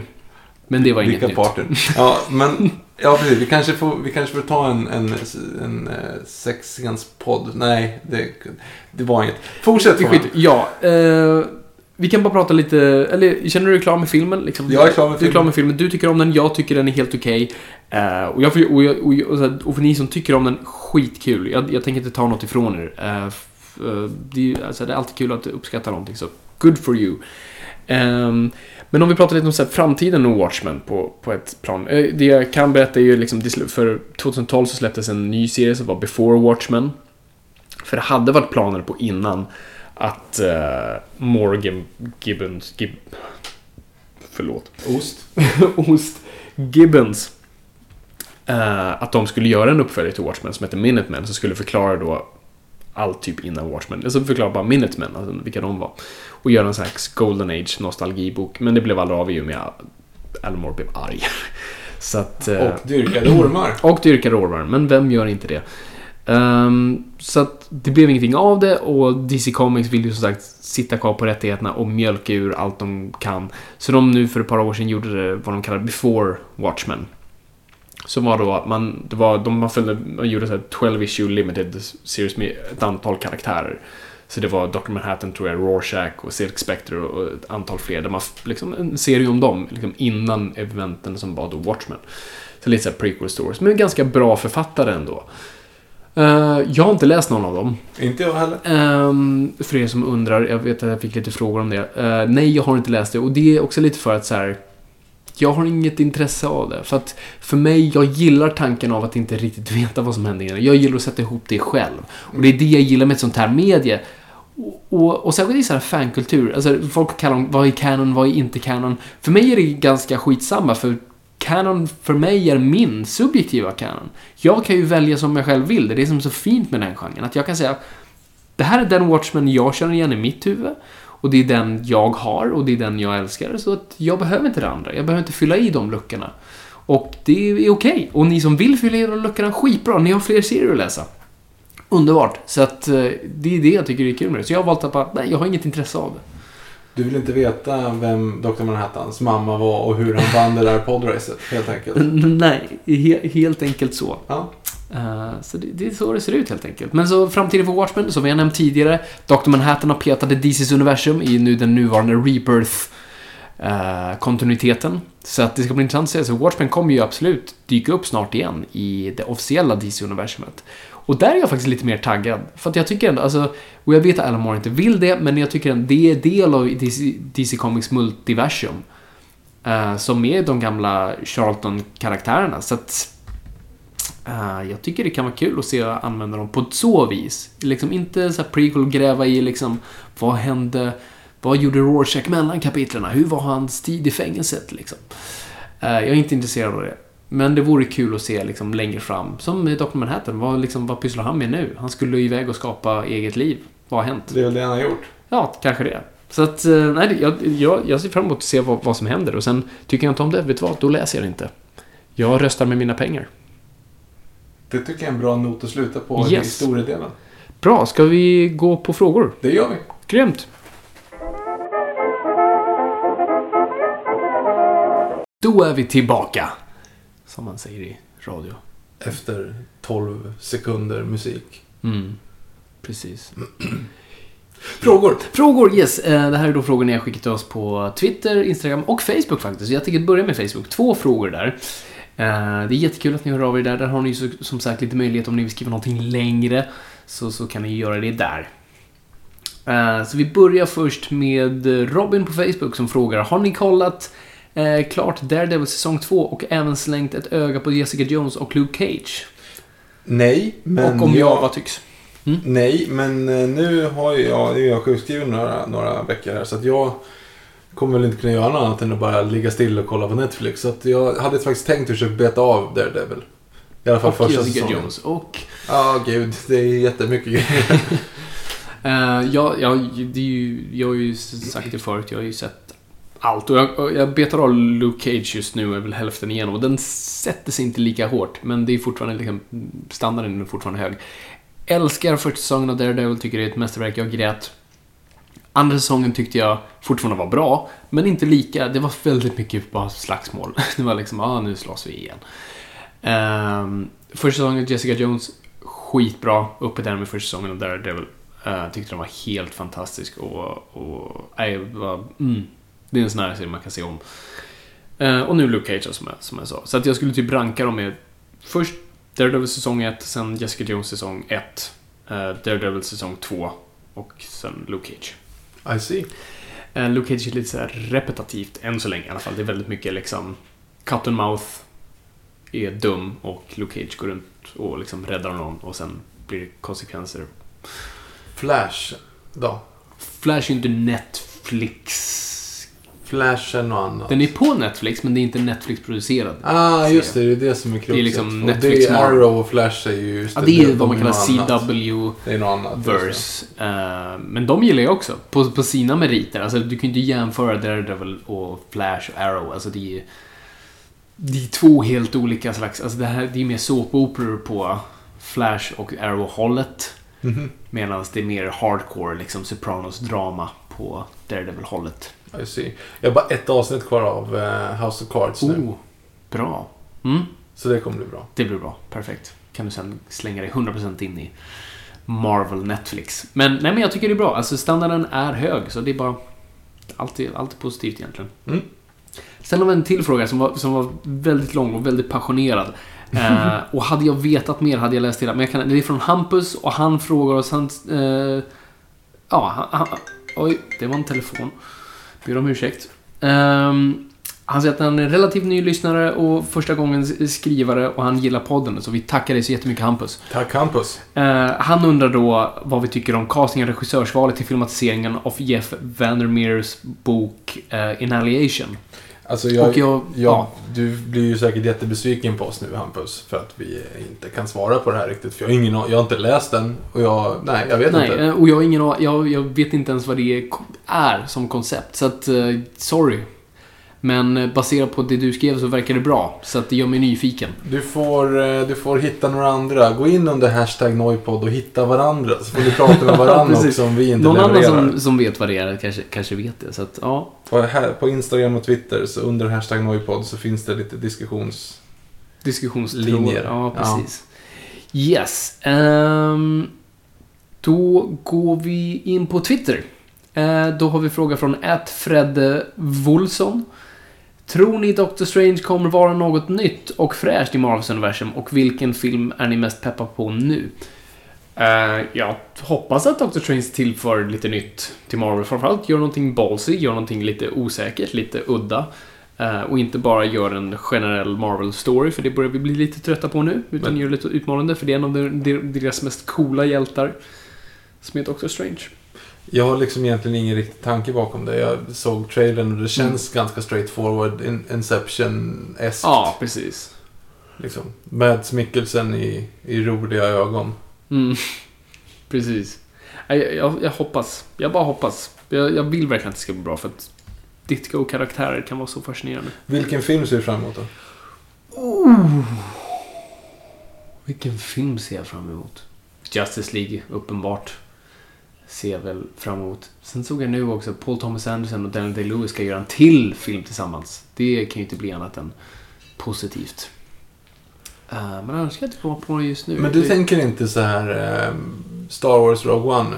Jag, jag, är- alltså jag, jag kommer vara en av de första i kön som går och ser den, men jag är inte så här tagg-taggad. Nej, det, för det är det jag tänkte komma till. Inte jag heller. Mm. Det är jättekonstigt. Jag känner mig liksom lite grann, jag känner mig lite, lite fel. Mm. Men jag Varför tror, är jag inte mer taggad? Nej, jag tror det för att det inte är... För det är ju någonting, det här är ju första gången de testar en, en ny slags story utanför det vanliga narrativet. Ehm, och jag tror det är lite det som gör det. Eh, så att det ju, du kommer ju inte se en film nu som följer storyn om Luke Skywalker och alla dem, utan nu är det någonting nytt. Och så därför är du inte lika investerad Mm. i det. Men samtidigt, ingen är ju så här investerad i Doctor Strange kanske, alltså i filmvärlden. Att, men ändå är folk taggade. Jag vet faktiskt inte. Jag vet inte vad det är som... Jättekort stickspår. Kommer du ihåg Sofie Propp? Nej.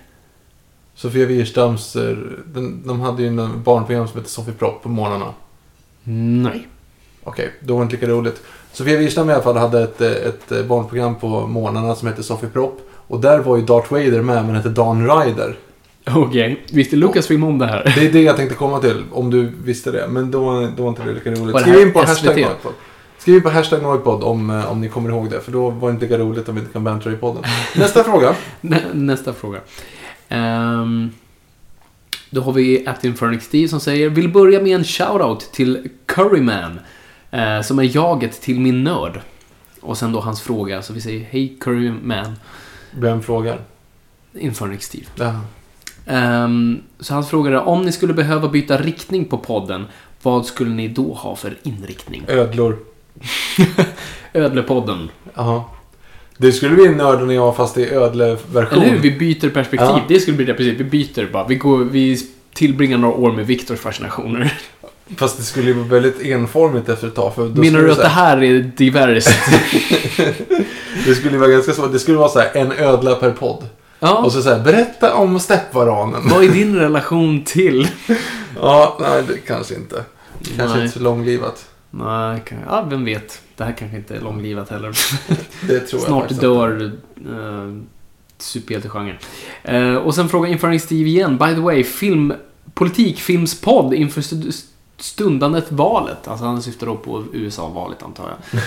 Eh, det var en väldigt bra idé Infernal Steve och vi kommer troligtvis sno det. Det tycker jag är en fantastisk idé. Så vi, vi ska kolla på det för att se om vi hinner se några politiska rullar innan det är dags. Det är inte långt kvar nu. Det Nej. är november. Ja. Så, Är det 8 november va? något sånt. Det är, hel- det är tisdagen efter eh, Comic Con. Är det. Ja, ja, vad skönt. Eh. Då står världen kvar när vi kör Comic Con. Vet du varför det är på en tisdag? Eh, Valet? Ja. Nej. För att jag, det kanske är en, en myt, men jag har läst någonstans att man inte får den på söndag, för då går man i kyrkan. Mm. Och sen ska du ju rösta när det liksom måste ut till en stad. Och eftersom Ja. alla är i kyrkan på söndag så, kan, så kanske de inte hinner Aha, till närmsta stad på måndag. Så då har de på tisdagen på sig att åka då. Det är en liten gullig tradition, om Precis. det nu är sant. Ja. Vi ser att det är sant. Jag för mig att det är något sånt. Att de, om de var ute på landsbygden så måste de liksom hinna in, hinna in till stan på tisdagen. Ja. Vi säger så. Vi säger så. Uh, at en, eh, Anton M. Karlsson. Eh, om du slash ni måste säga någon generell nackdel med dramaturgin som berättarform, vilket är det då? Ja, du, du pratar nog troligtvis om den traditionella dramaturgin. Eh, Plottpunkt, som- plottpunkt, Ja, plottpunkt. precis. Eh, ja, det, det simpla svaret är det, att saker blir lätt generellt. Att man bara, alltså filmer blir väldigt uppenbara. Ja, men där kan du ju ha en, en, en jämförelse direkt tillbaka till Watchmen. Mm. För det är ju inte en film i, i sin renaste form på det sättet. Nej. Alltså där har du ju inte de, den följer ju inte den absolut vanliga dramaturgin. För det är mycket tillbakablickar, det är mycket Mm. sådana saker. Sen kan du säkert om du bryter ner det hitta liksom. Ja men där har du plottpunkten när han Mm. kommer på att det är den personen som är Ja, skurken. precis. Jada, jada. Men det är ju ändå inte en helt, eh, en helt eh, konventionell filmform. Nej, in- inte hundra, men alltså en, en narrativ rakt film kan fortfarande ha flashbacks. Det behöver inte vara... Jo men okej. Men jag förstår vad du menar och det finns lite, av, lite poäng i det. Men ändå, den är ganska konventionell egentligen. Men nej, men alltså, det är det jag skulle säga, en, enformighet liksom. Att, att det blir att det känns som saker går på ett löpande band och att vi, det är liksom fabrikerat nästan. Så att eh, det är väl det. Um, Men samtidigt är väl det vi har vant oss vid i liksom den moderna världen, att det är så Mm. vi berättar historier. Absolut. Vi vill ha en payoff. Mm. Vi vill ha en inledning, vi vill ha någonting som händer och så vill Mm. vi ha någonting som vi kan gå därifrån med. Som är Mm. liksom, jo, men det är det. när man berättar det, roliga historier så måste du ändå sluta med det roliga. Du kan inte börja med det roliga och sluta med, det, med en uppställning. Liksom. Ja, precis. Good joke, everybody laughs. Som Rorschach säger. Ehm, nej, exakt. Ehm, men jag tror, precis, för jag tror det finns något så här mänskligt, det är det jag gillar med historia. Det finns något så här mänsklig, känns nästan som något genetiskt i oss att vi vill ha en viss slags. Vi älskar förändring. Det är därför sådana stories ska ofta komma. Det är därför vi kollar på TV, vi kollar på eh, heminredningsprogram för vi ser en förändring. Vi vill liksom, och vi vill se liksom eh, själv jag ska säga, självhjälpsgrejer för vi ser en människa förändras. Alltså det, förändring är liksom är så inbyggt i oss. Och jag tror inte bara det, det är kultur som har format oss. Jag tror det är vi som snarare som for, formar kulturen. För jag tycker det är ett väldigt blekt sätt att se på det. Att vi liksom är hjärndöda monster. För det är lite så Alan Moore vill se oss. Att vi är liksom eh, vi matas regur, regur, regurgitated worms, eller vad heter det? Regurgitated. Ja, reverberate the words. Eh, att vi bara matar saker via media. Och det gör vi kanske ibland i Transformers Blockbuster-delen också. Men, men vi är mer en deltagare än vad folk ger oss credit för. Och film bygger på deltagande. Du sätter ihop någonting i efterhand. Så att, eh, ja, förlåt, det blir ett långt svar på, men ja. det var ett bra svar. Låt oss hoppas. Um, att Anton Ekström 8. Lite mer ingående om Netflix, Netflix Marvel-serie samt vad tror ni om kommande Defenders? Ja, vi har ju sagt redan vad vi tyckte om det. Defenders kan bli coolt, jag gillar det. Eh, Det är Avengers fast the B-team. Yes, det enda är... Det tweetade jag om i veckan faktiskt, en insikt jag hade var så här, Just det, vänta lite. Problemet här nu kommer vara alla är väldigt bra på att slåss och that's it. Det är liksom, det finns ingen diversitet. Det finns diversitet i karaktärer, men inte i krafter. Liksom alla är antingen starka eller väldigt bra på att slåss på ett eller annat vis. Så det kommer bli väldigt mycket fight-scener. Det är inte så att vi har här har vi en magiker, här har vi en som kan flyga, här har vi en good fighter och sådana bitar.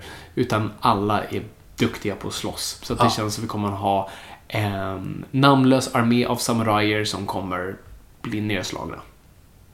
Och det kan bli långtråkigt som det lite blev i...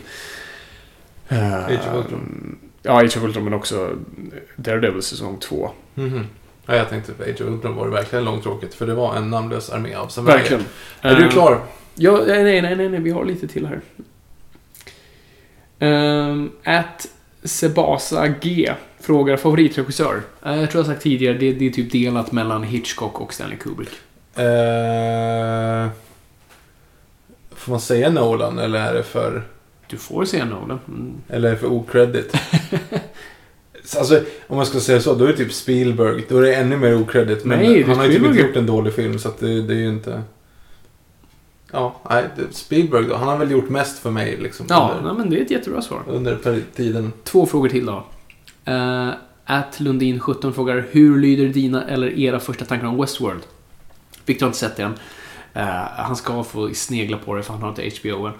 Men jag älskade pilotavsnittet. Jag tyckte det var en av de bästa piloter jag har sett på väldigt, väldigt länge. Eh, det var min slags sci-fi. Den gjorde en väldigt rolig spin på Michael Crichtons original genom att fortfarande vara trogen till det.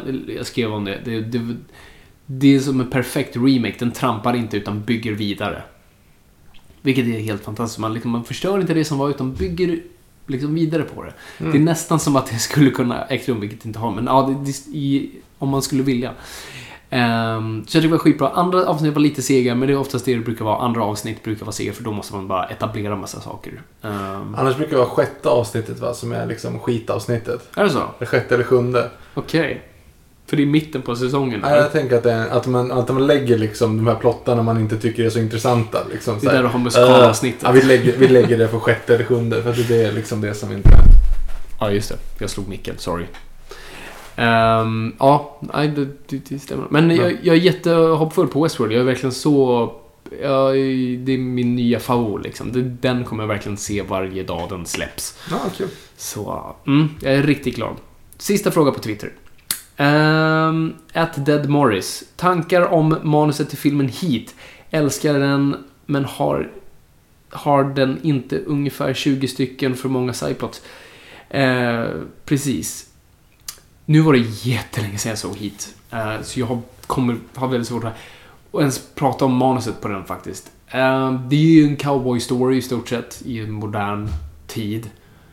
Um, Ja, precis, med bank- bankrånare den, och- Ja, och den har ganska bra, liksom, nej men, den pratar om väldigt bra saker.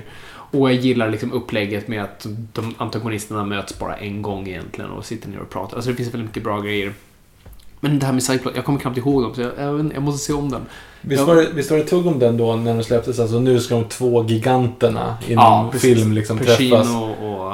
För de hade ju inte, jag tror inte de hade träffats vid det taget. De har ju varit i samma film, alltså då i Gudfadern del Ja, ja, precis. Ja, Och men är de, har ju de har inte setts på, Nej, på on-screen.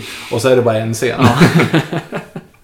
Exakt. Ja. Nej men så, ja. Jag, jag, I'll get back to you när jag har sett om den. Mm.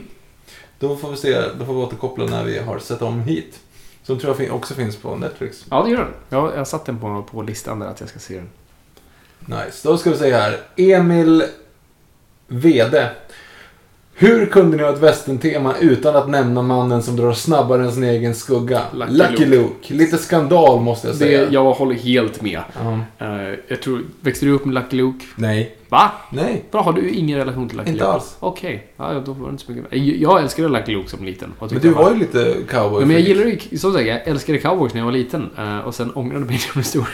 uh, tycker fortfarande det är coolt, men uh, ja. Uh, genren har jag vissa problem med. Men nej, jag älskade Lucky Luke. Jag tycker han är ascool. Uh, kunna dra snabbare sin egen skugga. Jag försökte ju det tusen gånger, att vara snabbare än min egen skugga efter det. Det har jag inte provat. Däremot inte provat om jag har kraften. Det har jag hur många år som helst. Ah, ja. man ligger i soffan och så här, ska nå tv-kontrollen. Gör fortfarande. Ja, gud ja. Självklart. Framförallt nu när man är skadad. Mm. Eh, Emil avslutar här också med tack för grymma avsnitt man kan lyssna på gång efter gång. Åh, tack så jättemycket. Så tack så jättemycket själv. Väldigt snällt. Emil, nu ska vi se. Anton Christensen. Jag skulle gärna få lite info, helst din egen podd, om DC's Rebirth och andra reboots inom serievärlden. Tack annars för en bra podd som gjort mitt sommarprojekt att måla om fönstren till ett nöje. Vad kul att höra. Det är Eller jättebra. Det är då podcast fungerar bäst. Han vill ha mer info om reboots, eller? Ja, Ehm, reboots inom serievärlden. Ja, jag vet inte. Jag, finns det något avsnitt jag kan referera till för det första? Jag Ehm, tror inte det. har Du har ju liksom seminämnt det lite grann. Ja, precis. Nej, men alltså... DC Comics är ju det där man ska titta mot. För Marvel har ju hyfsat hållit sin kontinuitet ganska oskadd. Eh, nu gjorde de lite med Secret Wars här för ett år sedan. Men nummer ett, man gör det för det första när en kontinuitet blir för tjock och om man vill uppdatera. Först gjorde man det för att så här, det var weird att Superman hade varit med i andra världskriget och vi nu levde på 70-talet. Eh, Det tydde på att han skulle vara väldigt gammal. Så det var liksom sådana grejer. Och man ville rensa liksom konstiga grejer man hade gjort med karaktärer och just att så här. Så det finns en Atlantis i en Batman-story, men det, det är inte den Atlantis som Aquaman kommer ifrån. Det där är weird. Så sådana grejer ville man rätta till, så då uppdaterar man. Då liksom bara så, nu rebootar vi det. Vi slår ihop vårt multiversum, så vi, också flera, så vi ser att det finns olika världar. Det är flera saker har hänt, så vi slår ihop dem. Eh, och sen finns det att man har delat på dem och new... Alltså, Crisis on Infinite Earth. Infinite eh, Och sen har du, och det gjordes ett antal crisis. Eh, sen har du, sen nu senast, eller näst senast New 52 var att ännu en gång uppdatera universumet, nollställa allting och säga nu har det gått fem år och vi börjar från noll. Um, och sen Rebirth i stort sett gjorde en, egentligen en crisis för New 52. Bara så här, vi rättar till vissa saker och lägger tillbaka år som har gått förlorat och vissa plotter som försvann från den gamla kontinuiteten och sådär. Så att det är alltid byggt för att bara så här, sopa undan problem. Men du fick ju en förklaring till den också ju, eller hur? Ja, det var Dr. Manhattan. Precis. Dr. Manhattan hade snott fem år. Den jäveln. Den jäveln. Du, din jävel. Du, du, du, du, du, du, du. Okej, hoppas du är nöjd med det Anton. Vi, alltså, eller ja, vi kan ju få fråga då. Kan, vi, kan man göra en podd om bara, om bara reboots på det Du sättet? kan säkert göra det, men det blir ganska repetitivt som reboots. det, är alltså för det är inte alltid man hurrar när de kommer. Det blir ofta så här, man har engagerat sig i någonting och sen bara, aha, ska ni bara kasta det åt sidan nu när det vi nu har engagerat oss i? Så det är oftast mer liksom tunga andetag. Man liksom, ah, okej, here we go again. Mm. Okej. Falconator 81. Ni har ofta nämnt Batman Core of Owls i podden, men aldrig vet jag fortsättningen, City of Owls. Mm. Eh, har ni läst den och i så fall vad tycker ni om den? Jag har själv inte läst den utan bara den första. Jag brukar räkna in den i... så- Alltså man, man, man döpt den till Night of Owls bara för att liksom dela upp det i två delar. Det är egentligen samma story som man räknar med The Core of Owls. Så att när jag säger Core of Owls, då menar jag både Core of Owls och Night of Owls. Alltså det är samma. Då har jag läst båda. Du har läst båda. Så... Wow, shit. Coolt. Så att då menar jag båda. Så, och, så, om du bara läst första, för guds skull fortsätt. För att det, är- det är ju liksom en fortsättning. Det är inte en uppföljare ens. Alltså det var liksom...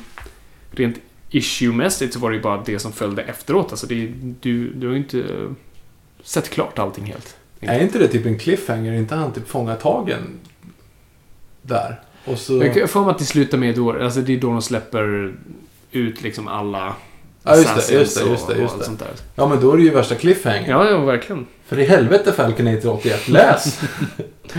ja, då ska du verkligen göra det.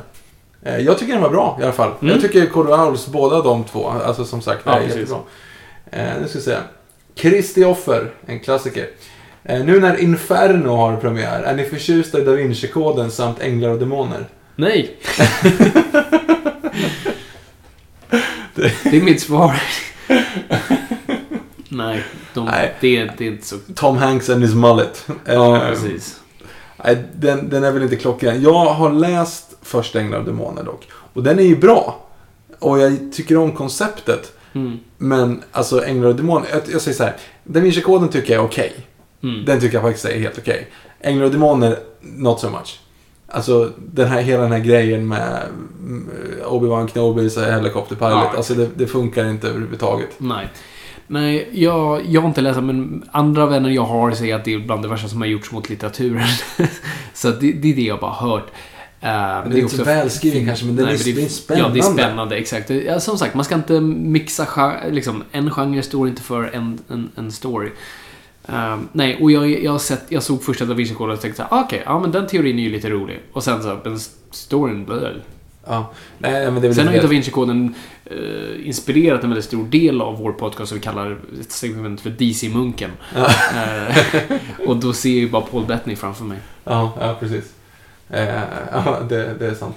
Men eh, jag tycker, jag skulle, tycker det är lite kul att det kommer en till. Ja, okej, Jag ja, men bra. Då får du gå och se den. Eh, Poppidoppidop. Stolpen KH. Mhm. Har ni sett Clone Wars?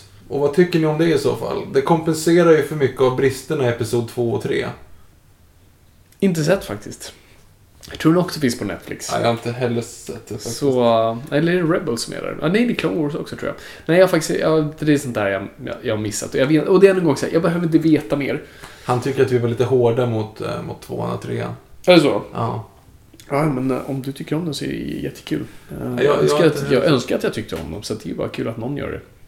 Jag, jag får lite så creeps just på den här, vi pratade om tidigare, de här tidningarna där de försöker sälja på barn Ja. 18 sidor liksom målarbok och någon liten kasseleksak för typ 120 spänn. Det associerar jag med Clone Wars. Ja, exakt, för de har någon sån där tidning. Ja. Mm. Nej. Nej. Ah, ja. eh, Davida, vad tror ni egentligen om Doctor Strange? Personligen är jag skeptisk. Mm. Alltså, ja, vi, vi sa ju det lite precis. Alltså, ja.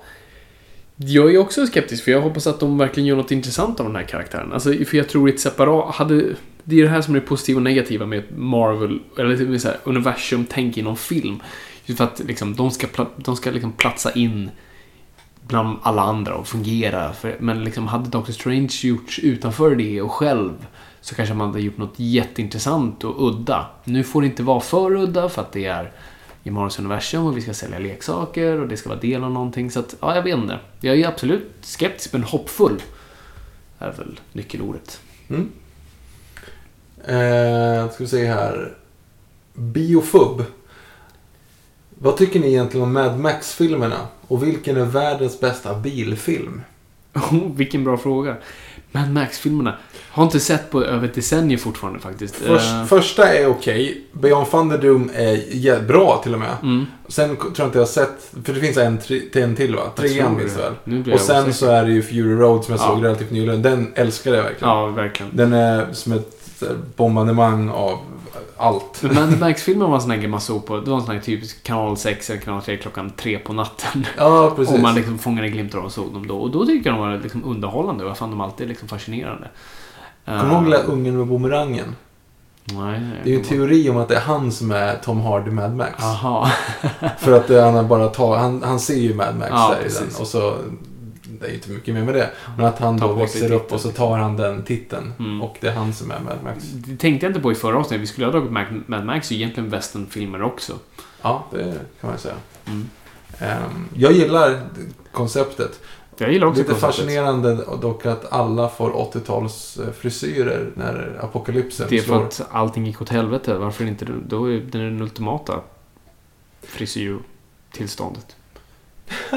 Här är en ganska rolig fråga Mhm. som jag tror, ja, Kasper Björkdal. Jag skulle vilja veta era synpunkter på Room. Ni har tagit upp den flertal gånger och säger att ni inte gillar den. Jag har inte riktigt förstått varför. Tack för en grym podd. Alltså, Kasper, jag tror att du har missuppfattat oss. Vi pratar om The Room. Ja, just det. The Room är en, en, en film som gjordes av liksom en, en ensam galning tidigt 2000-tal med för mycket pengar och ville bara kasta sig själv i alla roller och ligga med snygga tjejer och, och bli uppskattad för, för sin kropp. Eh, Room däremot är ju med Brie Larson. Precis. eh, Och som Oscarsvinnande var film. Oscarsvinnande Som i, och det är, Superdrama som jag tycker jättemycket om. den är skitbra. Vi, jag älskar den filmen. Jag tyckte den var helt otrolig. Så att nej, nej, nej. Det, det, vår kritik är riktad åt helt andra håll.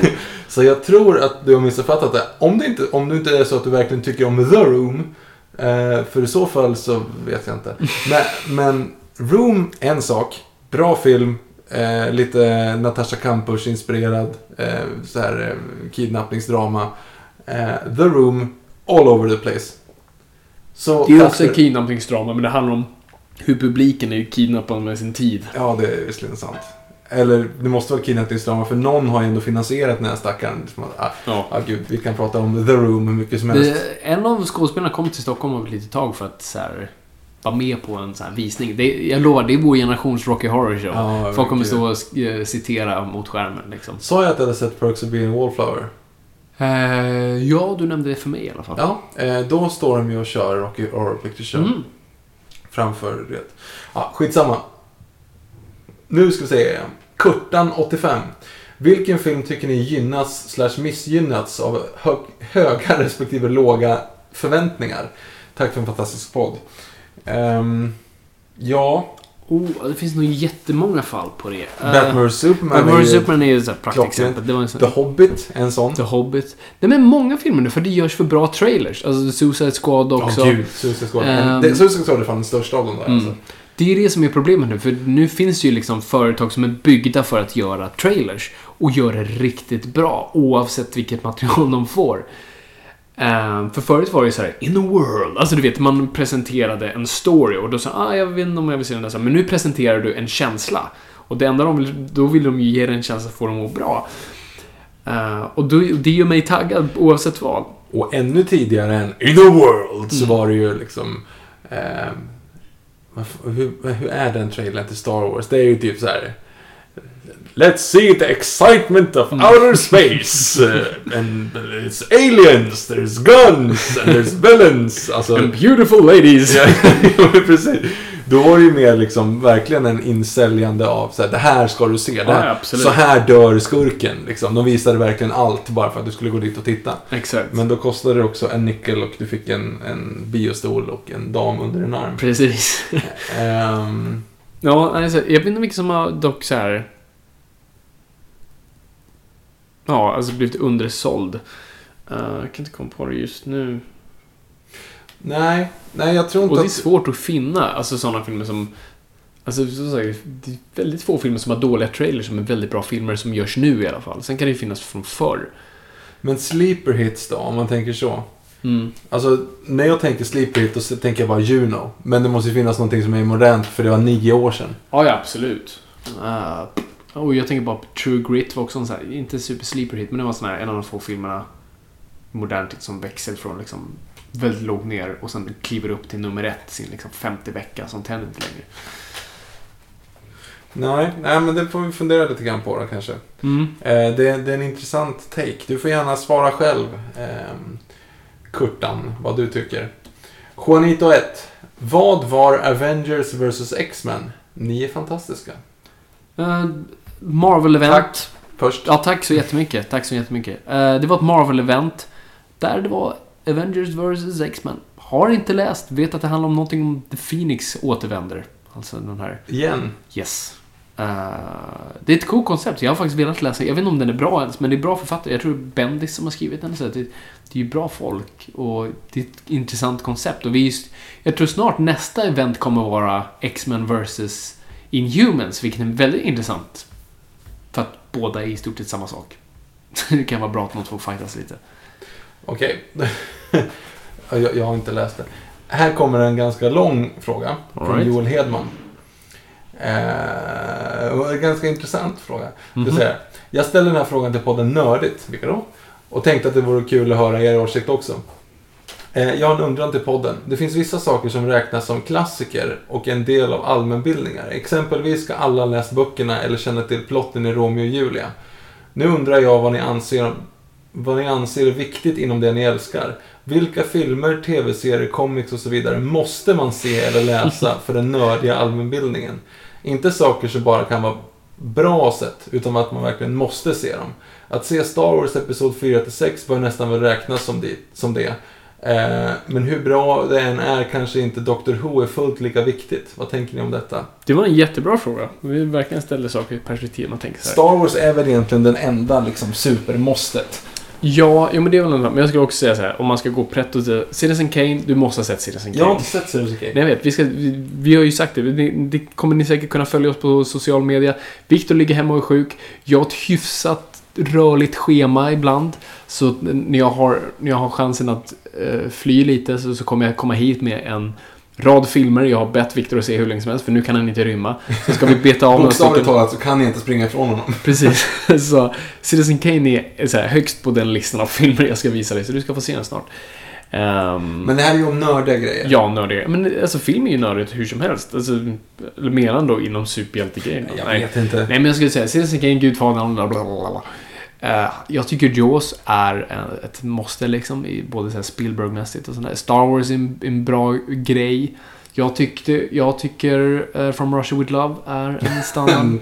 Nej. Bond var... En- en Bond. Bond. Bond Ja, födde en den moderna... Okej, en- men du, du kan inte säga en Bond, för det kan vara Never Say Never. Alltså, det ge en bra och en av de första. From Russia With Love föder actiongenren. Så... Men vad hade du blivit, vad hade du blivit om, du, om du träffar en person på Yes. ett party. Mm. Låtsas att du är på ett party Fabian. Jag förstår att det är svårt. Lugn, lugn, lugn, lugn, lugn. Du behöver inte prata med människor. Det är, bra. du är ensam i ett rum igen. Jag förlåt, jag, jag ska inte sätta dig i de här stressade situationerna. Du är ensam i ett rum, du är på en trygg plats. Ja. Är bara vän, det är bara vänner runt omkring dig. Men där kommer en person som Jag du är inte mästare har, över mitt öde. Där kommer en person du inte har sett förut. Han är snäll, han är snäll, han är snäll, han är snäll. Han är snäll. Men du sätter dig ner och pratar med honom.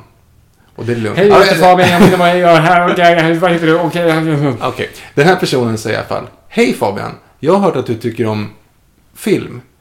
Jag har, Vem har inte, sagt det? Vem är du? Vem, vem lyssnar av mig? jag, jag har inte sett From Russia With Love. Mhm. Hur reagerar du då? Det är inte jättekonstigt. Nej, nej, nej. det är nej. konstigt. Om, den, om man kommer fram och säger Hej Fabian, jag vet inte vad Star Wars är. Mm. Och då blir man liksom...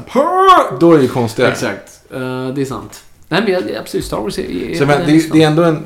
Det måste väl finnas, det finns ju många nivåer av det där. Mm. Men att inte sett Star Wars Mm. överhuvudtaget, det är väl ändå en, en av dem. Nej, absolut. Sen tycker jag man måste ha sett Vertigo. I alla fall. Jag vet inte ens vad det är för någonting. Hitchcock-film. Jag har inte sett. En studie i brott heter den på svenska. Jag har inte sett. Bra, bra att du säger det. det. Är, den är på listan av filmer Men den kan väl inte vara före Psycho eller Fåglarna? Ja, men de är de här liksom så här ytliga. Jo, men det är ju det tycker- som är meningen. Det är det vi pratar om. Ja, Okej, men då kan man ju bara kolla på filmlistan liksom. Jo, men vad som en måsten. Ja, okej. Psycho, Fåglarna och... Ah. Vi hoppar över till något roligt. TV-serier då? Där skulle jag säga, Sopranos är ju en sån där. Ja, tycker, den den är liksom, den föder en modern... Simpsons är väl för fan en. Simpsons är absolut... Det är, väl, det är väl den mest i så fall. I komedi definitivt ja. Ja. Seinfeld tycker jag är en standard. Jag tror, man måste väl säga Game of Thrones nu antar jag, för den kommer ju bli Ja, framtiden. den kommer ju bli som ett annat. Jag tycker Mad Men personligen födde i alla fall den moderna eh, TV-världen. Fast nej, jag tycker Dexter typ gjorde det. Ja, alltså, de kom ju typ samtidigt. Eller Dexter är typ ett år innan, men ja, ja. mm. För jag Fast Dexter är ju inte sån här, åh, det, alltså du vill ju inte tipsa Dexter för den fallerar efter andra här säsongen. för, här första säsongen är jättebra. Sen är Absolut. inte så mycket mer. Men jag, efter att ha sett House of Cards så tycker jag Mad Men var verkligen en sån... eh, Okej. Ja, ja nej, det, det, smaken är som baken. Ja, det- Serietidningar kommer ju också gå klyschigt och ska du ha läst Watchmen tycker jag Alltså det är inte en bra första. Du ska, om du aldrig läst en serie, folk brukar säga så här, jag brukar ge de här. Om du är litterärt kunnig och läst mycket så här, alla böcker i världen och villkor, då kan du kanske läsa Watchmen. Men liksom, eh, är du ovan vid, vid formen överlag så då kanske börja med liksom Dark Knight Returns eller här, släng in Court of Owls där. Uh, jag tycker, men sen tycker jag, ja, så Dark Knight Returns, Watchmen, All Star Superman. Tycker jag, det, det är de, de tre som jag tycker är så här. De visar bland det bästa. Sen finns det ju hur mycket som helst. Menar, i, i, vad ska man säga, i modern mainstream så är väl de bäst. Älskar att du säljer in Watchmen. Ja, du ska inte läsa om du är okunnig, men om du har läst alla böcker i världen, då kan Nej, nej, du det är inte det jag menar så. Jag menar att se ner på men jag menar att om du inte har läst mycket, period, så kanske inte Watchmen är det första. För det var, det var lite det problemet. Jag är ju dyslektiker. Det är för, en av de första grejerna jag läste var Watchmen och det, det, alltså jag missade mycket på grund av det. Mm, jag förstår. Men jag är samtidigt glad att jag gjorde det. Jag ska inte säga vad ni ska göra. Ni vet bäst själv. Men, men jag bara säger, läser man Watchmen så gäller det att man, man är lite inne i det. Mm. Och jag kan säga det också, jag läste ju eh, Dark Knight Returns och Hush typ efter varandra. Mm. Och Dark Knight Returns fick jag ont i huvudet Ja, av och. Hush var jätte, jättelättläst. Var jätteskön. så Ja, precis. Precis. Eh, men men. Eh, en till fråga här. Admir. Kämpa Viktor. Det, tack. Eh, han menar mitt knä hoppas jag. Ja, ja, det, Ja. Efter att ha sett Passagerare 57 för några veckor sedan så pratade vi på jobbet om, den sköna, om sköna one-liners. Wesley Snipes blir inzoomad dramatiskt när han pratar med en person i telefon och säger då till skurken Have you ever played roulette? A tip.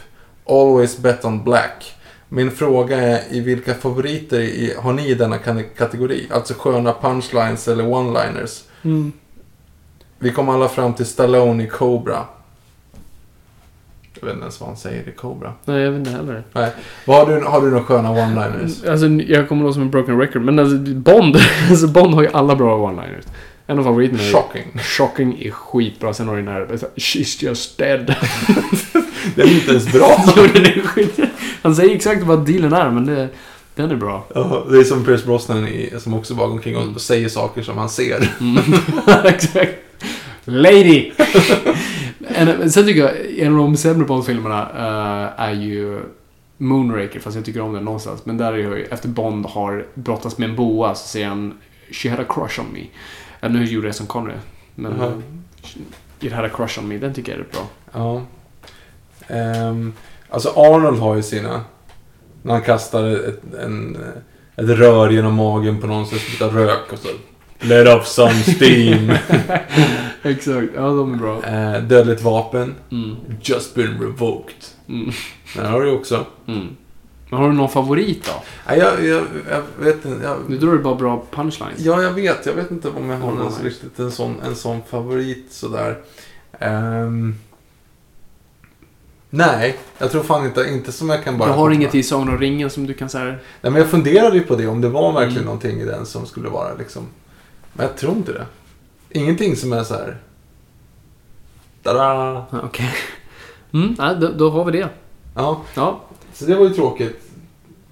Ja, det, Mm. det, det går. Men Bond i din favorit är She's Just Dead. Precis, Det är ju- det, okej. Den tycker jag är, är fin. Okej, nu är det en fråga riktad väldigt mycket till mig här. Bra. Simon Nilsson 123. Hur ser arbetsmarknaden ut inom den svenska filmindustrin? Är det svårt att hitta ett jobb om man har en utbildning inom mediet? Ser fram emot Comic Con. Oj, svårt att säga. Gud, alltså, ja. Alltså, Filmsverige är litet och små branscher är svåra att komma in i. Det är bara faktum. Och det beror på vilken utbildning du har. Jag tycker att har du utbildat dig skitbra, jag gjorde det också, men det ger dig oftast inte en, liksom ett frikort alls. För att ska du ju skapa någonting så är sällan frågan innan så här, ah, vad har du pluggat? Frågan är, vad har du gjort? Vad kan du? Ehm, så jag skulle ju aldrig kunna få ett filmjobb genom att säga jag har läst filmvetenskap eller något sånt där. Men genom att till exempel jag studerade uh, manusskrivande på Biskops-Arne. Eh, det hjälpte mig få möten genom att i alla fall ha det mail. Kunna säga liksom, hej, jag så här och så här och jag har pl- pluggat det här. Eller jag har pluggat, pluggat här. Så det, det, det hjälpte att ha, det var snarare bara att ha en, en, skol, en skolas rykte snarare än vad jag faktiskt hade studerat. Eh, det gav mig inget frikort, det gav mig ett möte eller ett svar eller något sånt där. Men så att det beror på vad du har pluggat. Men alltså, inom media och film och allt sånt där, det är kontakter, kontakter, kontakter, kontakter och gör saker. Gör, skapa hela tiden. Lägg upp saker på YouTube, saker du har gjort så folk noterar dig. Alltså, bara gör allt möjligt. Ja, det finns ju ing, det finns inte en chans i helvete att det kommer in till Felix Herngren och säger Hej, jag har pluggat filmvetenskap. Han säger Ja, Åh, precis. gifte mig med min dotter. Här, skriv ett manus. Exakt. Det händer ju Nej, men inte. till och med så här, Dramatiska institutet, som det inte heter nu, nu heter det väl Dramatiska högskolan. Ehm, alltså, det är inte heller en garanti. Om du har gått där, liksom som är, ska vara då Sveriges bästa. Alltså, det är, om du gör någonting där kanske, som, blev väl, som är väldigt bra och kommer in på festivaler, alltså då kanske. Men ehm, ja, det bästa sättet att, att, liksom, att göra är att göra. Skapa, gör saker. Jag gjorde båda. Jag pluggade samtidigt som jag gjorde filmfika, jag gjorde småprojekt. Vi gjorde saker tillsammans. Alltså, det gällde att ha saker och filmfika hjälpte mig väldigt mycket. Det gav mig liksom uppskattning och det, det gav mig möten. Så att... Um, do stuff snarare. Så tänk inte att så här, oh, om jag bara pluggar det här så kommer jag få ett jobb. Mm, behöver inte vara så. Nej. Man gjorde en, det var några år sedan någon gjorde en lista på så här regissörer som blev nekade av Dramatiska institutet versus folk som har gått Dramatiska institutet och det var liksom 50-50. Mm. Ja, nej men det så är det. Det var sista frågan Det var sista frågan. Alright, det var det. Han ser fram emot Comic Con också. Han såg fram emot, det gör vi också. Yes. Eh, det är inte långt kvar nu. Nej, en månad ungefär. Åh herregud, nu börjar jag få lite ont i magen. Vi kommer bränna på en rejäl show på Comic Con. Det, det har vi sagt. Eh, så att eh, se till att boka upp era biljetter. Ja, precis. Fred, lördag eller söndag. Nej, men söndag kommer det troligen bli. En Ja, det blir annat. Så att då blir det ju söndag. Ehm, Men vi är ju där hela... ja, vi svänger förbi på lördagen också, men det är Mm. framförallt söndagen som är den stora grejen. Exakt. För det är då vi är där i, i Och sen tjänst, kommer det säkert movies genom massa andra roliga paneler. Jag vet inte om jag kommer hålla någon, det, det återstår att se. Eh, Men andra duktiga människor kommer hålla paneler, så det kommer ju vara saker hela tiden. Så det är ju bara, bara hitta oss på golvet och säg hej. Ja, och gå på vår show. Vi Gå kommer på vår ha show framförallt. Djur som hoppar genom brinnande ringar och... Nej, kanske inte. Kanske inte. Du kan Ove. Ove, jag har inte fått honom Kasta honom än. genom en brinnande ring. Ja, det skulle kunna vara det. Han är ju bättre på att hoppa än vad jag är för tillfället, så att det är inte, Mm, inte helt omöjligt. sant. Mm, mm, mm. Alright, vi är nöjda. Hur når man oss? Man når oss på hashtag Noipod på Twitter och Instagram. eh, men vill man vara mer specifik så är det att Engberg Viktor på Instagram eller att Fabian Nordlander på inte, Twitter. Heter du Engberg Viktor på Jag Instagram? tror att det heter Engberg Viktor, alternativt Viktor Engberg. Ja, Men vi finns ju, Noipod finns här på, Ja, på där Instagram. oss. Där, eh, jag tycker vi är ganska roliga på Instagram nu. Nu har vi Ja. börjat få upp liksom glöden. absolut. Jag tycker det är en fantastiskt. Ni, ni får saker där ni inte hittar på Twitter i alla fall. Så att, mycket mer behind the scenes och, och saker. När, när Victor och jag hänger får ni en liten inblick i vardagen. Precis. Väntar fortfarande på att möta dig i Pokémon. Ja, jag vet. Jag, fan, jag har fortfarande inte plockat upp det där än. Åh, jag måste göra det. Jag lovar, jag ska. Du har ju någon vecka på dig här nu. Vadå en vecka? Har vi satt en deadline? Nej, jag satte det nu. Nej, jag måste ha mer till för du har så mycket försprång. Men vet du vad? I alla fall efter Comic Con, för på Comic Con kanske vi kan hitta en link cable. Eller sitter vi en linkcable innan dess och gör det innan Comic Con. Nej! Vi har ju lovat till i två månader. Okej. Jag Ja. behöver tid. Ja, det är bra. Ja, Okej. Nej, men så hitta oss där. Vi finns på Facebook också. Uh, bara mm, Nörden och jag är sidan. Eh, ja, och det, det är väl stort sett det. Hashtag NOJPOD. Mm. Ta hand om er. Ta hand om er. Ta- hand om er. Så, nu, nu har jag pratat klart. Okej, tack så mycket. Eh, vi bommar igen det här. Tack för att ni har lyssnat. Det är kul att vara lyssnad. Och kom ihåg, gott folk, att jag inte kan prata. Men kom också ihåg att ingenting är för nördigt.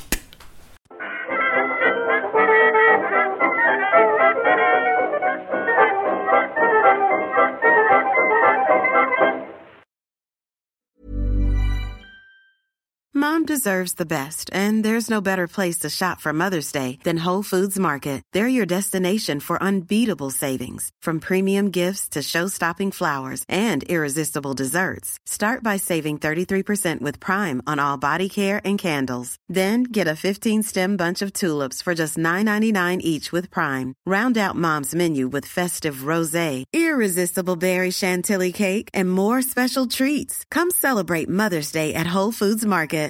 Imagine the softest sheets you've ever felt. Now imagine them getting even softer over time. That's what you'll feel with Bowl and Branch's organic cotton sheets. In a recent customer survey, 96% replied that Bowl and Branch sheets get softer with every wash. Start getting your best night's sleep in these sheets that get softer and softer for years to come. Try their sheets with a 30-night guarantee. Plus, get 15% off your first order at bowlandbranch.com. Code BUTTERY. Exclusions apply. See site for details.